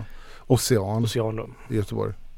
Har ju, han älskar ju brittiskt så han har ändå släppt lite milds då och då också. mm. Eh, Men jag har ju aldrig ens tänkt tanken att jag ska brygga en Mile. nej men jag förstår det. Och, Det är så här, det är liksom inte ens... Eller så här, man går ju runt och spånar på grejer hela tiden. Liksom Ja. Mild har aldrig varit där uppe bland slutkandidater. Någonting som man kanske skulle realisera i verkligheten. Liksom. men för att det finns en del hinder på vägen. Det, så finns det, inga, det har inte funnits någon, någon efterfrågan på det. Och det är också om man inte liksom har en stor kaskförsäljning så känns det som en ganska Det är inte en självklar öltyp att liksom ge sig på. Nej. Alltså, man blir ju ganska nyfiken på den här stilen. När, när, det, när, när någonting har varit så oerhört populärt i England och haft en så stor del av marknaden. Och nu plötsligt, eh, ja men man kanske skulle kunna jämföra det med svagdricka egentligen. Ja, Mm. Jättestort i Sverige men inte så vanligt nu. Är det verkligen Nej. jättestort i Sverige? Va- Nej, men att det, det var kanske Det var- ganska... det var, det var ändå populärt ja, absolut. Ja. Men om vi pratar namnet bara egentligen för att det är ganska intressant betydelsen av mild och vad mild var från början och vad det är idag. Eh, när vi tänker idag mild då tänker vi ju en eh, svag, eh, mörk ale. En dark mild är det vi tänker och det är det som har, e-, egentligen har varit mild de senaste hundra åren ungefär. En ganska svag, tre, eller mellan 2,5 3,5 procent eh, liksom session ale. Lågt humlad, låg beska, mer av ett maltdrivet öl eh, snarare än, än humledrivet liksom. Medan bitten då har varit mer, mer, lite mer humledriven och lite bittrare. Mm. Mm. Ja. Och när vi pratade förra gången om bitter, eller för så, så sa vi också att under 1900-talet så blev mild och bitter blev det som att de förhöll sig till varandra de här ölstilarna. Och att Mm. man eh, och Michael Jackson har skrivit eh, en del om det här att när han var ung och gick på krogen så var det så här Det var mild och bitter som fanns på, på puben liksom. Och ville man ha någonting som var lite beskare då valde man bitter. Vill man ha någonting som var lite mildare i, besk, i beska då tog man mild. Så att mild var eh, synonymt med någonting milt i, vad kommer till beska och också milt när det kommer till alkoholhalt. Då.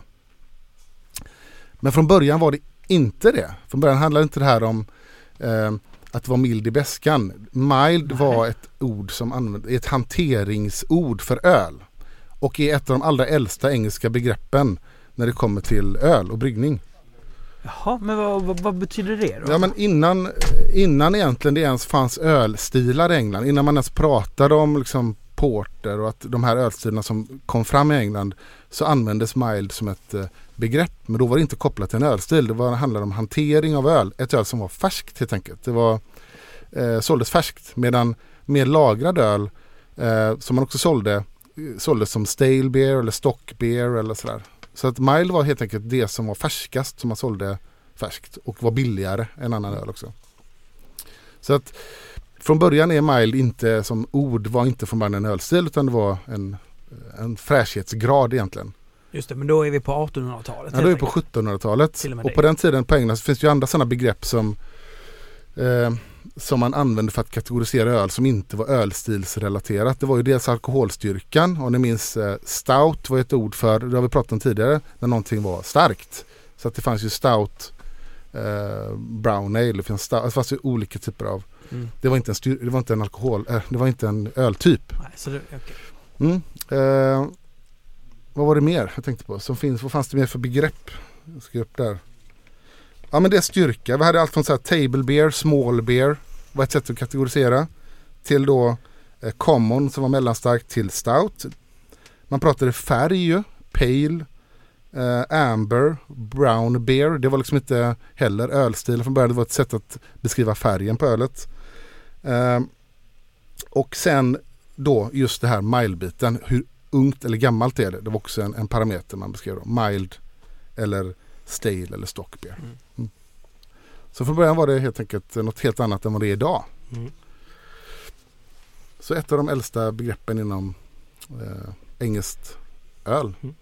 Idag definierar jag ju namnet mild som att det är mild kontra en bitter. Under 1900-talet var det ju så. Ja. Att eh, den relaterade till bitten som, som en eh, puböl egentligen.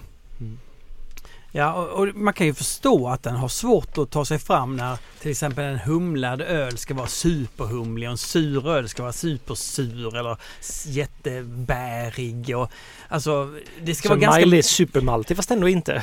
Det blir- Ja. Sen så har den inget bra namn heller. Det är som eh, eh, hantverksöl, den här senaste inkarneringen av det har ju liksom handlat väldigt mycket om att det ska vara väldigt tuffa smaker liksom. Mm.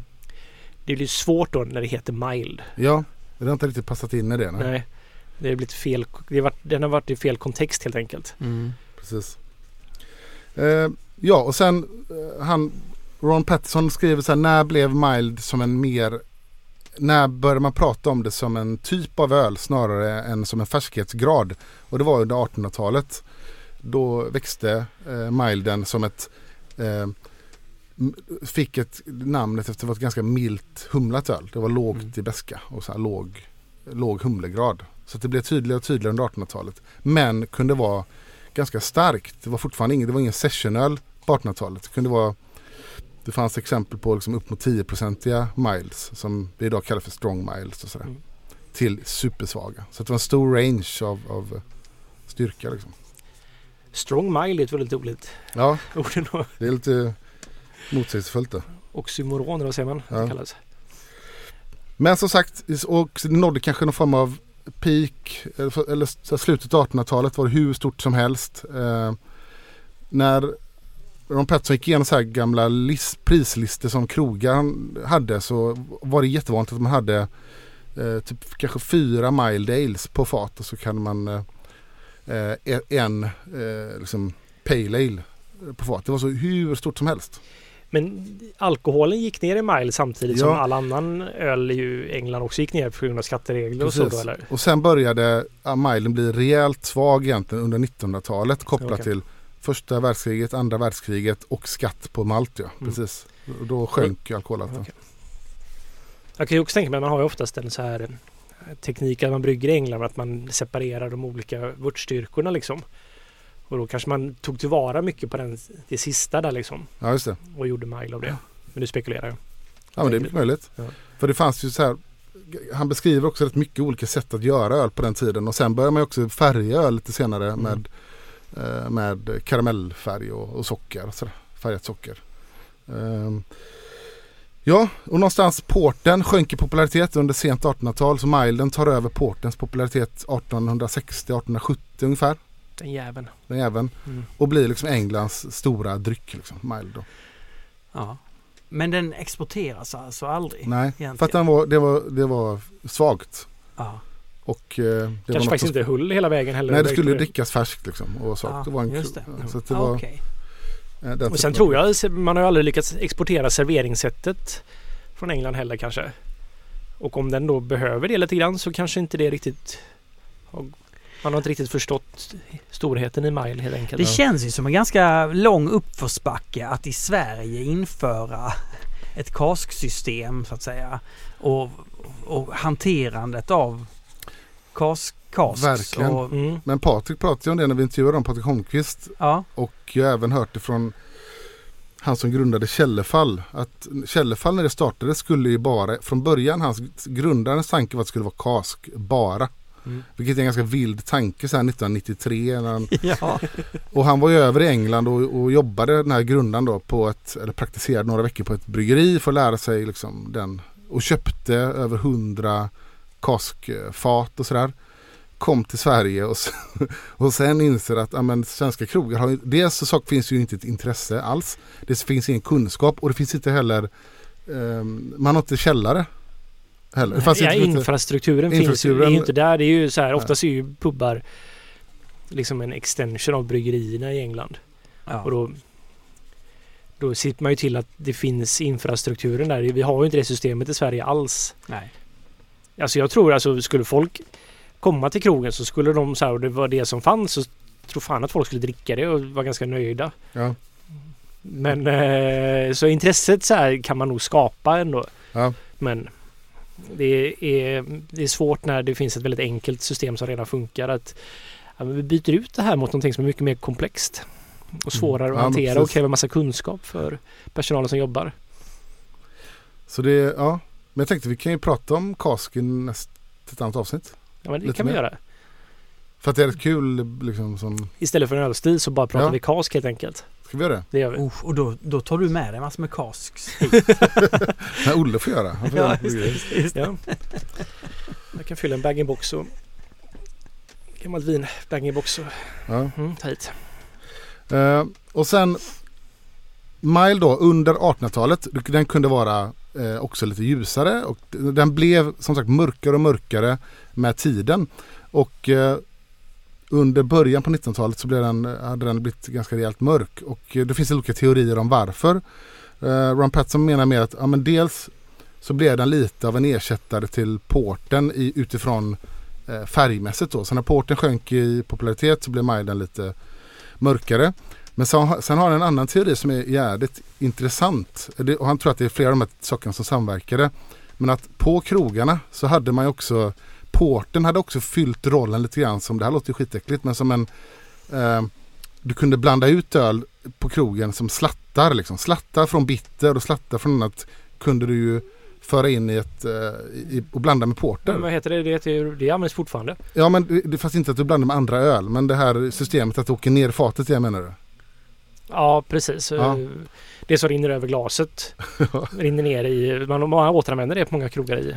I England ja. Ja. Och, och, Ja, ja, man går inte och hämta, hämta en slatt som någon, när någon inte har druckit upp. nej, fast Patson menar att så var, det, så var det kanske för länge sedan. Ja. Att, att det som liksom blev över lite grann i fat kunde du liksom blanda i, Ja, i en porter. Det syntes inte för den var mörk. Mm. Porten försvann, Då kunde milden som var mörk ble, fick den funktionen. Förstår du vad jag menar? Ah, ja. ja, men det, Menar- det är rimlig... Ja. Blir den mörkare. Blev den mörkare, Mm. eller den var mörk och så kunde man använda den som bland, blender. Så får, så. Men just det som Olle beskrev där, det är skitintressant. Jag har inte tänkt på det och jag hörde det när Janko snackade i Janko-podden.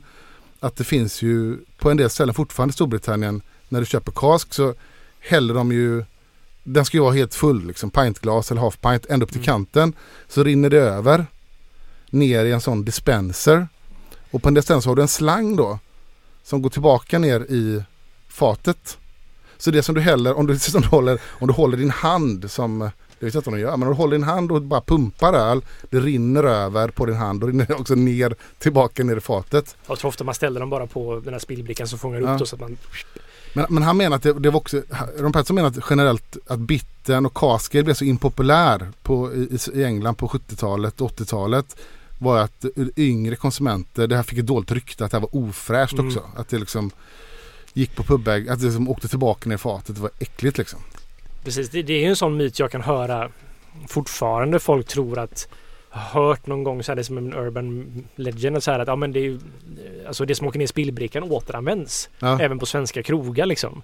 Och, och jag ställde faktiskt frågan för att jag tänkte, jag tyckte till Jugge Ja. som, som eh, har serverat cask ale i uh, sen 90-tal liksom. Och eh, på ja, dels på Akkurat men sen på Oliver Twist. Oliver Twist. Om, eh, om, om hur vanligt han trodde det här var. Det här åter... Och han sa att eh, absolut inte där hos honom. För att han sa jag har fan kämpat i en massa år för att få folk att dricka ljummen öl. Sen ska du, en sån grej skulle ju bara liksom kunna totalt döda intresset liksom. Ja. Men han hade stött på det i England och stött på det i Skottland. Första gången såg han det i Skottland var på Caledonian. Och där, när han hade påpekat det så hade han bara skrattat och skojat om snåla skottar. Vi måste spara allting och sådär. Ja, för jag kommer ihåg första gången jag fattade att det här fortfarande var någonting vad som användes var när jag skulle läsa på om kask, hur man skulle kunna servera och sådär. Så hittade jag någon sån här manual, det är länge sedan nu men och så var så här, vad, vad fan är det de snackar om att det ska gå tillbaks ner i fatet? Jag kunde liksom inte ens i min vildaste fantasi fatta att det var Jag trodde att det var någonting i när man hällde upp liksom att så här Ja. när det svämmade över att det gick att den kände, eller så här att det, det fångades upp i tappsystemet. Ja. Tills jag väl insåg att nej, nej, det är alltså det som rinner ner på spillbrickan man ska ta Ja. tillbaks i fatet. Och jag, jag, jag läste om och om igen och var så här, men vad fan vad menar de? Hur funkar det här Ja. liksom? För jag kunde då inte själv, Förstå hur det gick till. nej men jag kunde inte liksom så här i min vildaste fantasi tro att man använder den ölen som runnit över Det, och återanvänder den. För jag tänkte att det var någon mer avancerad mackapär som gjorde det här för att det, är liksom så här, det är så långt borta från vad jag tänker att man kan göra och att folk skulle acceptera det. Ja. Och det ser jag så här att det här är ändå så de här systemen fungerar och de beskrev det här i detalj hur. det är både äckligt och coolt faktiskt. Ja. Det är det. Ja, men eh, det var en som, lång utläggning till varför man tror att milden blir lite mörkare. En annan förklaring som Pettersson var att ge att mörk, eh, mörk färg var ju som en eh, indikator på att någonting var eh, gav indikator på, att, på styrka, liksom, att det var lite starkt. Så även om det här öl, milden var svag så kunde liksom en stark färg ge ett komplement till sortimentet till, till bitten och sådär. Att det gav ändå ett, st- ett liksom st- styrkeintryck och sådär. Mm. Eh, ja, men sen då så dalade uh, milden rejält. Eh, och den blev svagare som vi sa efter eh, första, eller på först, runt första och andra världskriget för att man skulle spara pengar. Det, det kom också skatter på malt. Så att den, all öl i England blev ju s- rejält mycket svagare då. På den tiden helt enkelt. Mm. Eh, och 1930 eh, är väl då som någonstans som milden börjar eh, börjar sen tappa ganska mycket till eh, bitten helt enkelt i, i England. Eh, ja, jag hade en liten bild. Ska vi se. Mm. En liten graf. Perfekt podcastmaterial. Ja, jag får lägga ut det här sen. Men bara för att visa hur eh, hur fort det gick liksom. Och hur mycket den tappade. Här är försäljning eh, och då har de slått ihop bitter and stout av någon konstig anledning. Men tänk att det mesta som är gult här är bitter. Mm. Eh, mild är den blåa. Eh, röda här är lageröl. Så ser vi här 1960 så här. Ja men det är bittern är skitstor. Mm. Mm. Milden har ju varit jättestor här borta liksom, på, som sagt på början på 1900-talet. Eh, kolla här Milden, den bara sjunker, sjunker, sjunker, sjunker. Eh, bitten är jättestor men sjunker, sjunker, sjunker. Och vad händer här? Ljuslager. Ljuslager ökar och kommer så här starkt egentligen från 80-talet och, och framåt. Så. Ja. Mm. Och tar död på traditionell brittisk öl helt enkelt. Lager som alla, alla bryggare vurmar för. Ja, men det är ju skillnad på lager och lager faktiskt. Det är ju, vi vurmar ju för att kunna visa att lager faktiskt kan vara intressant och smaka väldigt gott. Man kan brygga bra lager som ett litet bryggeri. Ja. Och man kan brygga väldigt bra mile som ett litet bryggeri också. Ska vi prova en mild eller? Det tycker jag. Oj vad, vad mörk den är. Det ser ut som målarfärg lite grann. Brun målarfärg. Det gör du ju inte Martin. Vill du presentera det här Martin? Eh, Stigbats Dark Mild 2,6% i mild. Bryggd på Ringöbryggeriet. Mm. Mm. Hur kommer det sig att ni gjorde mild då? Vet du det? Eh, vi snöade in på två serie, serier. En tysk serie, Ja. Ringö Brau och sen så har vi då British Folk, Folk Invasion. Som är dels att vi har massor med britter som har invaderat oss.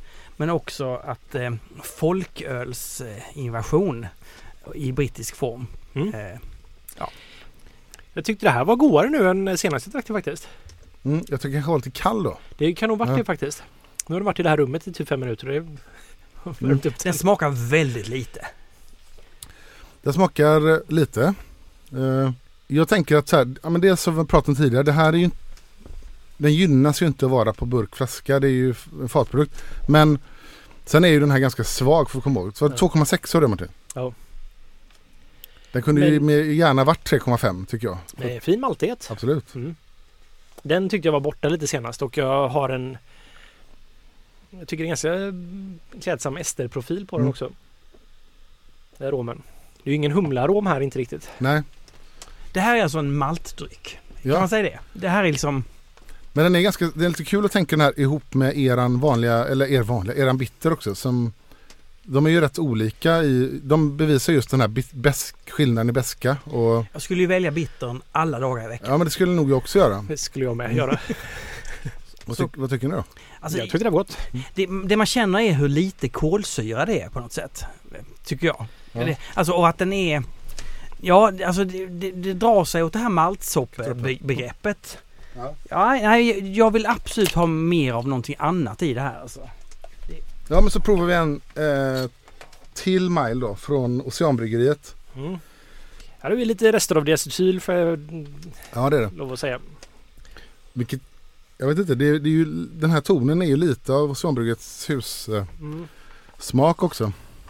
Jag har inga jätteproblem med det men det är ganska, ganska mycket det stöd. Ja, det här var mindre än vad ligger kvar i smaken.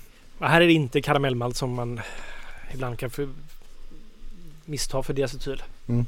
Utan det är...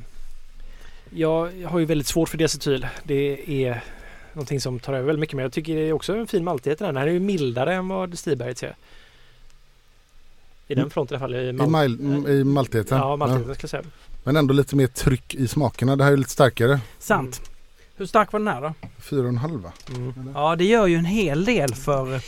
Det gör ju att smakerna kommer fram på ett helt annat Ja. sätt och den hänger ihop bättre också.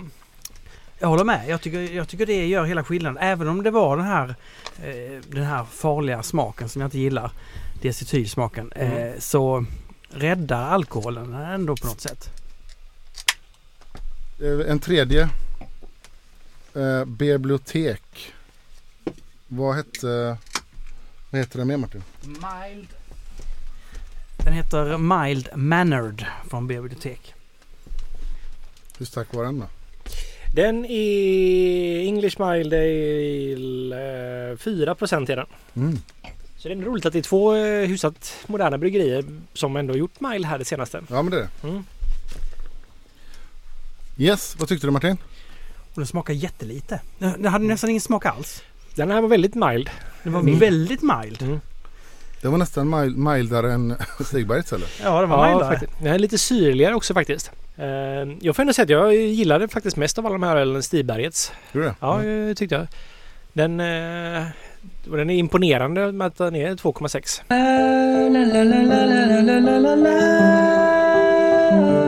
Kort eh, nedgången, mild-nedgången eh, som skedde rejält liksom på eh, från 60-talet eller från 30-talet egentligen men rejäl nedgång från 60-talet. 25% av all öl i England var mild 1960.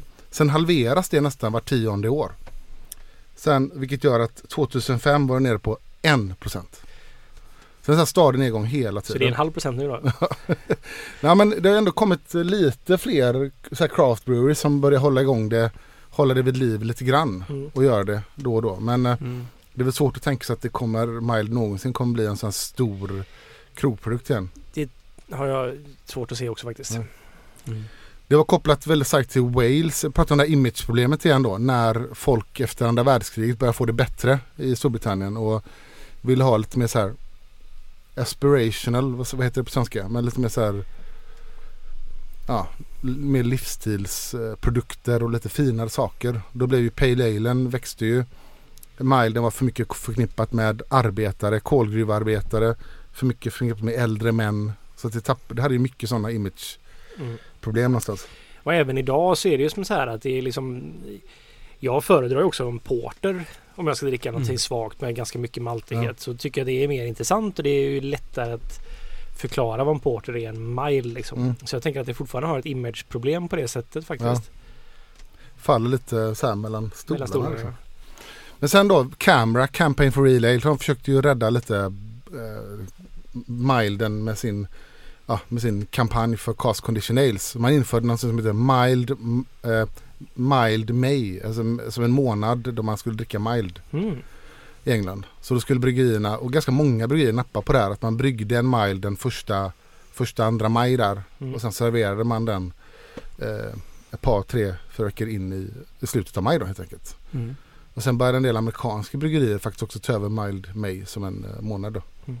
Men det har liksom aldrig riktigt tagit fart. Det finns ju en del entusiaster som liksom pratar mycket mild och försöker hålla det här vid liv liksom. Men eh, det har ju inte blivit en stor produkt då. Men jag tänkte, ska vi ringa upp en entusiast Ja. eller? Ja. Vet ni vem jag tänker på då? Vem kan det vara? Ja. Ja, det är alltså Peter Eronsson. Han heter ju till och med Peter M Eronsson. Gissa vad M står för? Ja, kan det vara... Nej. Jag tror- tror tyvärr inte att det är mild men det hade kunnat vara det. Han har sagt någon gång att vissa tror det.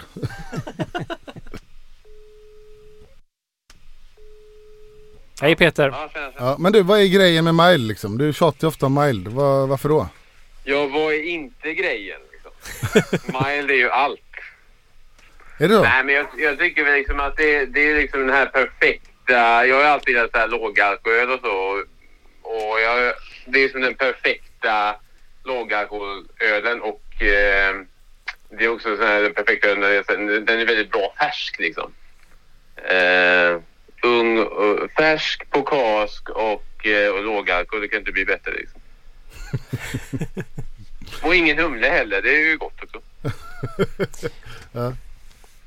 Men Nej, men ja. vad, vad tror du? Kommer, är, ser du någon form av... eh, Det var jätteöverdrivet att kalla det för mild-våg. Men ser du att det finns något intresse för mild nu?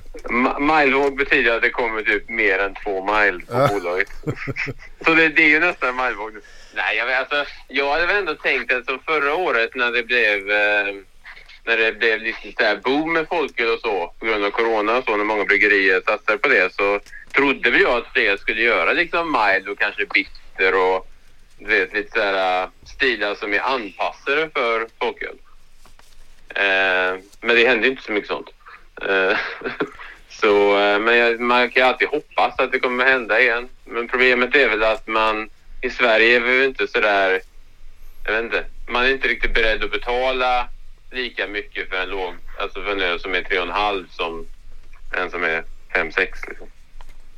Ja, det kanske ligger något i det också. Det gör det säkert. Men- men det handlar ju om försäljningskanalen också. Och, men det skulle gårdsförsäljning komma till exempel så tror jag att de skulle ha en rimligare chans faktiskt. För då kan ju bryggerierna i sig pusha för öl som de brinner för själva och då tror jag Bitter och Mild skulle ha en bättre chans faktiskt. Ja, absolut. Och jag tror också även så här bryggeri, alltså, eh, alltså bryggerier som kör taprooms och bryggeripubbar så skulle man ju om man nu lär sig det där med kask och så, så kan man ju ha en kask med mild eller bitter så här. Mm. Om man tänker på mild så är det ju väldigt, den är ju väldigt känslig för Eftersom när den är ung så är den ju lite maltsöt och så, kanske bara en vecka gammal. Liksom. Men sen blir den ju väldigt snabbt ganska alltså torrare som alla öl blir. Och, och då blir ju alltså en öl som är 3,5 eller kanske 3 procent, det liksom, kan ju lätt bli lite tunt då. Ja, den, den, den, eh, det, det, den är inte bra på det sättet liksom att när den får ligga till sig. Tanken är att man ska liksom, brygger man den själv hemma så ska man dricka den på en helg. Det är liksom ingen snack. På- Det är inget snack en helg. Nej. Har någon Nej, eh, mild... sen eh, förstår jag, jag förstår väl också det här liksom, med fler, alltså, det, van, det som är vanligare idag är väl att man kanske gör en mile på 4,5 procent. 4-4,5. Och då, eh, då skadas det inte så mycket av att den liksom blir lite torrare och liksom, för då är det ändå lite fylligare från början. Liksom.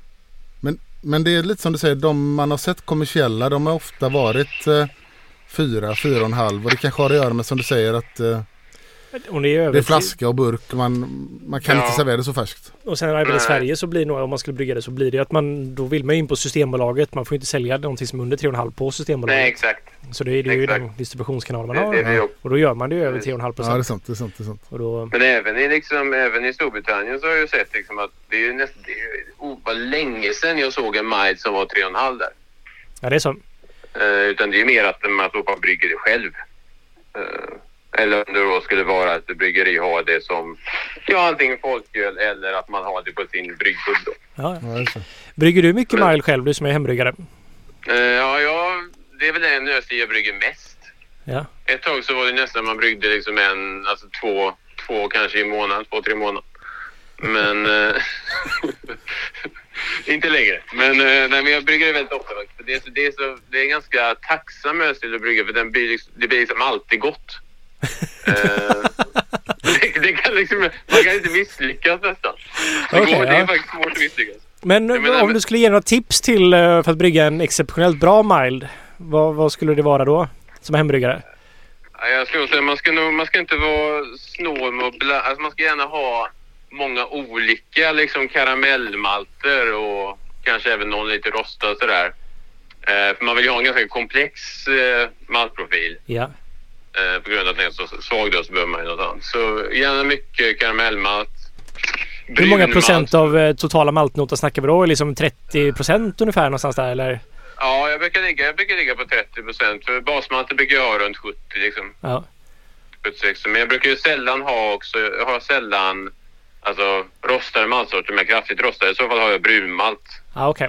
Sen har det väl hänt att jag har haft någon, någon procent eh, chokladmalt. Men jag tycker ofta det, det blir liksom, det är så lätt att det blir väldigt likt porter då. Ja, just det. Brunporter och sånt. Och det, jag vill nog hellre, jag vill hellre ha liksom lite maltsötma i mina Det är ju liksom en smaksak bara liksom. Men, och så lite humle som möjligt då. Det är Mm. bra. Man kan ju såklart ha humle. Om man vill liksom, det finns ju de här äh, American Mild som, som startades i var det, 2015 eller någonting. Där man äh, de, de vill göra en egen typ av mild då. Mm. Eh, och Men- då använder de bara amerikanska råvaror, malt och jäst och, och även humle. Då. Så hade de lite mer humle än vad som är liksom kutym om man säger så. Okej. Ofta har man bara en vittgiva, men vissa väljer ju att ha lite så smak och arom för att man vill balansera maltigheten lite grann. Liksom. När du dricker milen som du brygger själv, gör du någon form av så här att du försöker efterlikna egna kask eller, eller ett eget kasksystem på något så här fattigmanssätt? Eller är det... Jag försökte... Ett tag så drack jag faktiskt direkt från jästinken. Det var faktiskt det bästa. Och bara elda upp. Det var ju fan så jäkla gott alltså. Ja, men, alltså, Eh. jag kan sympatisera med. Viss öl är, kan ju faktiskt vara som godast eh, från jäsinken. Ja. och så är det knappt någon kolsyra heller. Det blir bara ännu bättre. Men eh, sen, sen så är det alltså jag försöker ha eh, alltså så lite, eh, lite kolsyra som möjligt om jag kör vanligt fat då. Mm. Eh, ibland har jag till och med liksom tappat över det på eh, fatet. Sen inte så- alltså bara liksom purchat lite grann. Sen kört direkt från. Och då blir det ganska, ganska likt liksom. Men Sen kan man ju ha det här, man kan sätta faten upp och ner, vet jag, jag har sett det några gånger. Och så sätta själv- på... Upp och ner. Man upp sätter och ner. upp, upp och ner och så själv rinner det ner. Liksom. Ah, blir- Ja, för jag har sett folk som så här tar Corneliusfat och lägger dem lutade och så tror jag då inte på den som har stigröret utan den som har kolsyreingången Ja, där. ja. Att man kopplar precis. direkt på en... Eh, man serverar direkt från så liksom. Sen så vet jag folk som har köpt så här keycakes från bryggerier och modifierat så att de blir som i stort sett självrunna fat. Mm. Okej. Ja, det vet jag att eh, Kalle Tiger gjorde det på, ett, på en amylaseträff en gång med Mild. Ja, okej. Jag är nästan säker på att han gjorde det. Den var ju svingod liksom. Ja, ja. Eh, och den, alltså, det är ju sådär, det är ju sällan man hör nå, alltså, någon som säger att mild är liksom, vad ska man säga, att de tycker att det är äckligt. Nästan alla tycker att det är väldigt gott. men, Eller så hör man det man vill höra. Liksom. Ja, men, det- men IPA och sånt är det jättemånga som tycker det är äckligt. Nej men, nej men just att det här med att det är tacksamt det är ju för att om man tar liksom många, det är- för IPA och en IPA är det man brygger mest av som en bryggare tror jag, skulle jag säga. Eh, men risken där är ju alltid det där med oxideringen. Mm. Och du, du har inte lika stor risk för det med mild. Liksom. Får jag fråga en sak? Eh, Mm. Peter frågar en sak när man brygger mild och även tycker jag så här, eller framförallt, jag brygger inte mild eh, måste jag erkänna, men kommersiella milds när man köper dem på flaska eller burk. Även ett par av dem vi har provat eh, här idag. Vi har provat Ocean, Stigberget och, och Biblioteks. Eh, fan, tre Göteborgsbryggerier, det var inte heller meningen men det är ju inte så många andra som gör det här, som sagt. Det är ju, men men eh, att maltigheten blir lite, jag vet inte hur jag ska förklara det, lite så trött. Att det blir så här lite och, nästan oxiderad på ett negativt sätt. Inte det här karamelliga som jag skulle vilja ha. Fattar ni vad jag menar? Det kan ju vara att man använder liksom... men Jag har råkat ut för förut när jag bryggt det själv, men då är det med att att ma- malten kanske är lite, lite gammal liksom. Kanske inte purfärsk liksom. Okej. Eh, Så det är väl det som hänt. Jag vet ju, men jag tycker väl att ofta är det sådär när andra försöker göra brittiska stilar utanför ja, Storbritannien liksom, så blir, kan det ofta bli så. Det kan vara vattenbehandling också, att man liksom, det har inte med oxidation att göra, men, men just att, att det kan, alltså det, att de får fram en bättre maltprofil av vattnet. Okej. Man provade en Rudgate eh, Mild, eh, den engelska som finns. Finns, den, eh, finns den nu? Ja, jag tror det. Okej. Den är ju, den är ju bäst, skulle jag säga. Men eh, var har du köpt den? På Nordstan då? Nej, jag tror jag beställde den vanligt. Har inte jag sett. Jag sökte på mild och hittade ingen. Har den försvunnit? Jag vet ju att den Melsten Mild från Nynäs försvann nu, tror jag. Ja, just, det ja, den fanns nog inte att få tag på längre. Jag vill säga Ruby Mild, Ruby Mild på Rudgate. Ruby Mild. Den finns. Okej. 42 i online-lag. Nu kollar jag här. Men den, den är ju väldigt, väldigt bra. Eh, den är på halvliter också, vilket är att föredra. Jag drack faktiskt en Mälslingsmine på haket när de hade den på cast där. Mm. Det var ju jätte, jättegott faktiskt. Det det? Ja. Jag har inte varit jätteimponerad av den när jag provat den tidigare men som eh, kask funkar det Mm. otroligt bra. Nej, men det är ju, alltså, det, mild är ju alltid, det blir ju alltid bättre på kask. Eh, eh, jag, skulle tycka, jag tycker i och för sig att de flesta öl är bättre på kask, men, men just mild blir ju liksom, det, det är just det där med den här färskheten och få maltsötman och ja. Jag tror malt, maltigheten kommer fram mycket bättre liksom. Och sen vet jag ju att eh, till exempel Ruby Mild då, den är ju svagare på kask än vad den är på flaska. Okej. Mm. Eh, men så är det väl ganska ofta med brittisk öl i och för sig. Det är nog för att den ska hålla lite bättre på flaska helt enkelt. Ja, precis. Ja. Eh, men den, den är ju också så här, Ruby Mild är lite grann som Oceans Mild, att den är ganska fruktig. Eh, skulle jag säga. Ja. Vilket alltså, snarare, alltså, de har liksom kanske, kanske att de har lite mer humle än de brukar ha. Just att de är lite starkare än vanligt och Sen finns det ju vissa maltsorter som också har en ganska mycket fruktighet inbyggt i sig själv och så tillsammans med eh, engelsk Mm. så kan man ju jäsa på olika sätt för att få mer fruktighet. Ja, precis. Jo. Alltså, det kommer ju en nu, den påskölen, här kommer ju en strong mild på 5,8. Oh, Från... eh, Nynäs. Nej, Jaha. Pumpviken. Det är också en mild. Ja, Pumpviken. Ja, just det. Det är som påsköl kommer nu. Om eh, någon vecka. Mm. Är Men det den- är ingen strong mild då. Är den så stark alltså? Okej. Ja, jag tror det är 5,8. Ja. Och eh, Ocean kommer också med en påskmild. Ja, Just det. Ja. Ja. Bara, så, bara sådana saker. Liksom. Nej, men så jag hoppas väl att eh, det är klart, jag menar så här många miles som det finns nu har ju typ aldrig funnits. det är, ju- jag är tacksam för det som finns. Liksom. Kommer det bli fler tror du? Kommer det bli större? Ja, jag tror definitivt det kommer komma fler i år. Jag tror att det här... Det känns lite grann som att det kommer bli det brittiska året. Jag vet inte varför, men det känns som att det pratas mer, vet som bitter och... Nu gjorde ju Stigberg ju mild och bitter, bara en sån sak. Hur gick det till? eh, Det krävdes en pandemi. ja, precis. Och så gör de som är 2,6 procent också bara. Det är ju liksom... Det är väl 2,6 va? Är det inte det? Jo. Det är 2,6. Ja. Ja, det det är ju så coolt så nästan är löjligt. Det är roligt att höra din, eh, hur exalterad du är över detta. Det är fantastiskt att Mile kan frambringa dessa känslor hos någon. Nu är det bara 80 shilling, alltså Killingeölen från Skottland där. Det är bara de kvar Ja. Så. Det, det är faktiskt bättre än mile tycker jag. Jag, jag ligger så här mellan, jag vet inte vad jag ska tycka där. Det är både och. Liksom. Det är ju väldigt likt. 80 shilling och mile det är ju, skulle jag säga, nästan snarlika sida. Liksom. Förutom att 80 shilling är starkare då. Ja. Ehm, men det skulle vara kul. Alltså, jag har funderat någon gång så på man ska göra typ en sån här uh, Imperial Mile, någonting på 8-9 procent. Fast jag menar, Ja, det men så.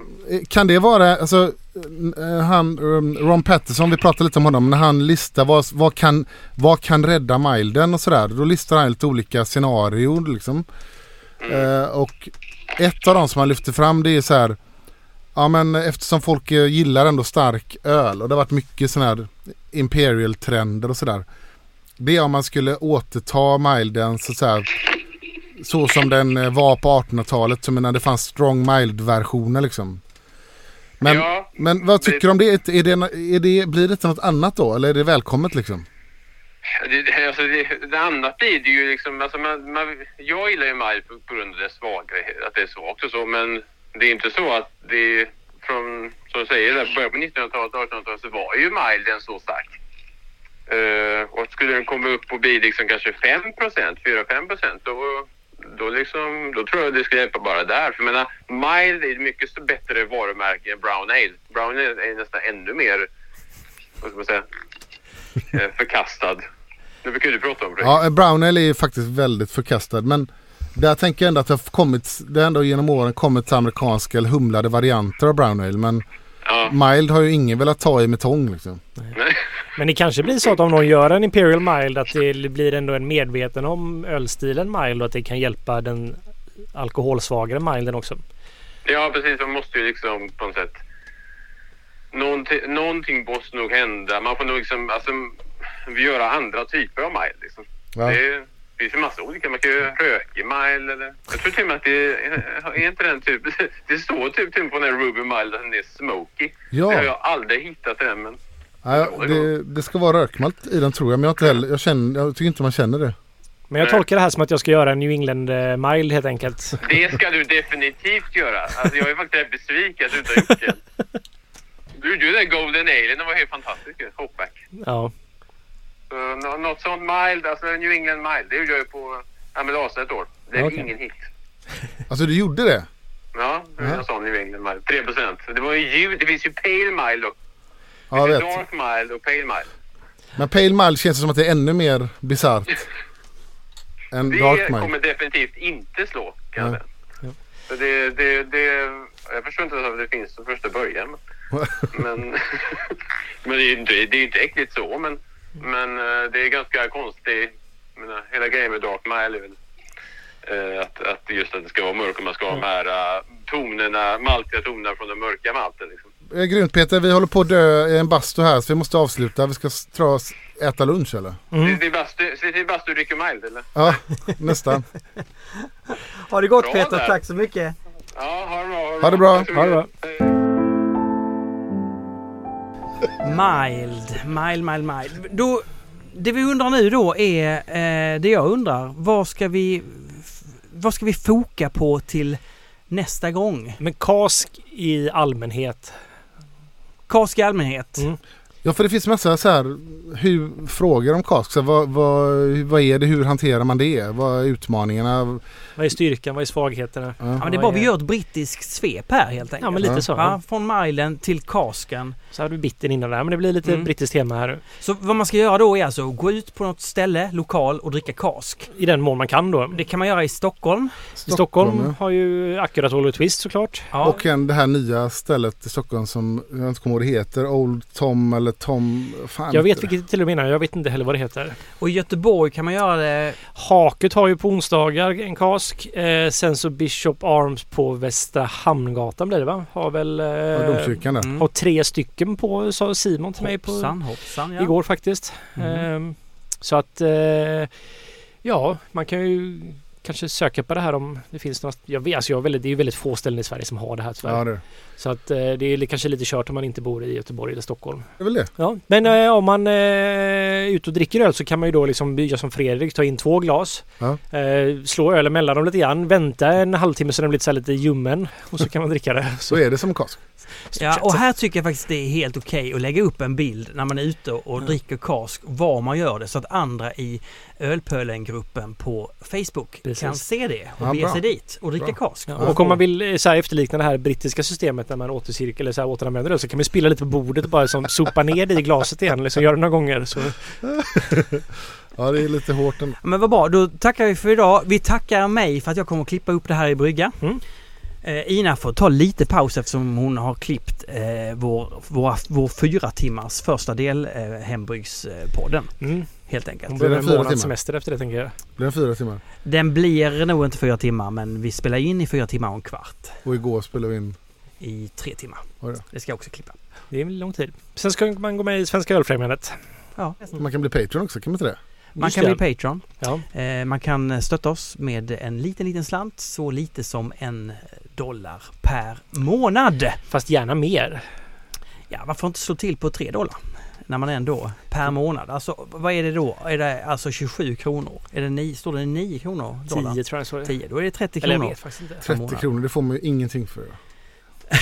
Nej, det får man verkligen inte. Vi ses om en månad.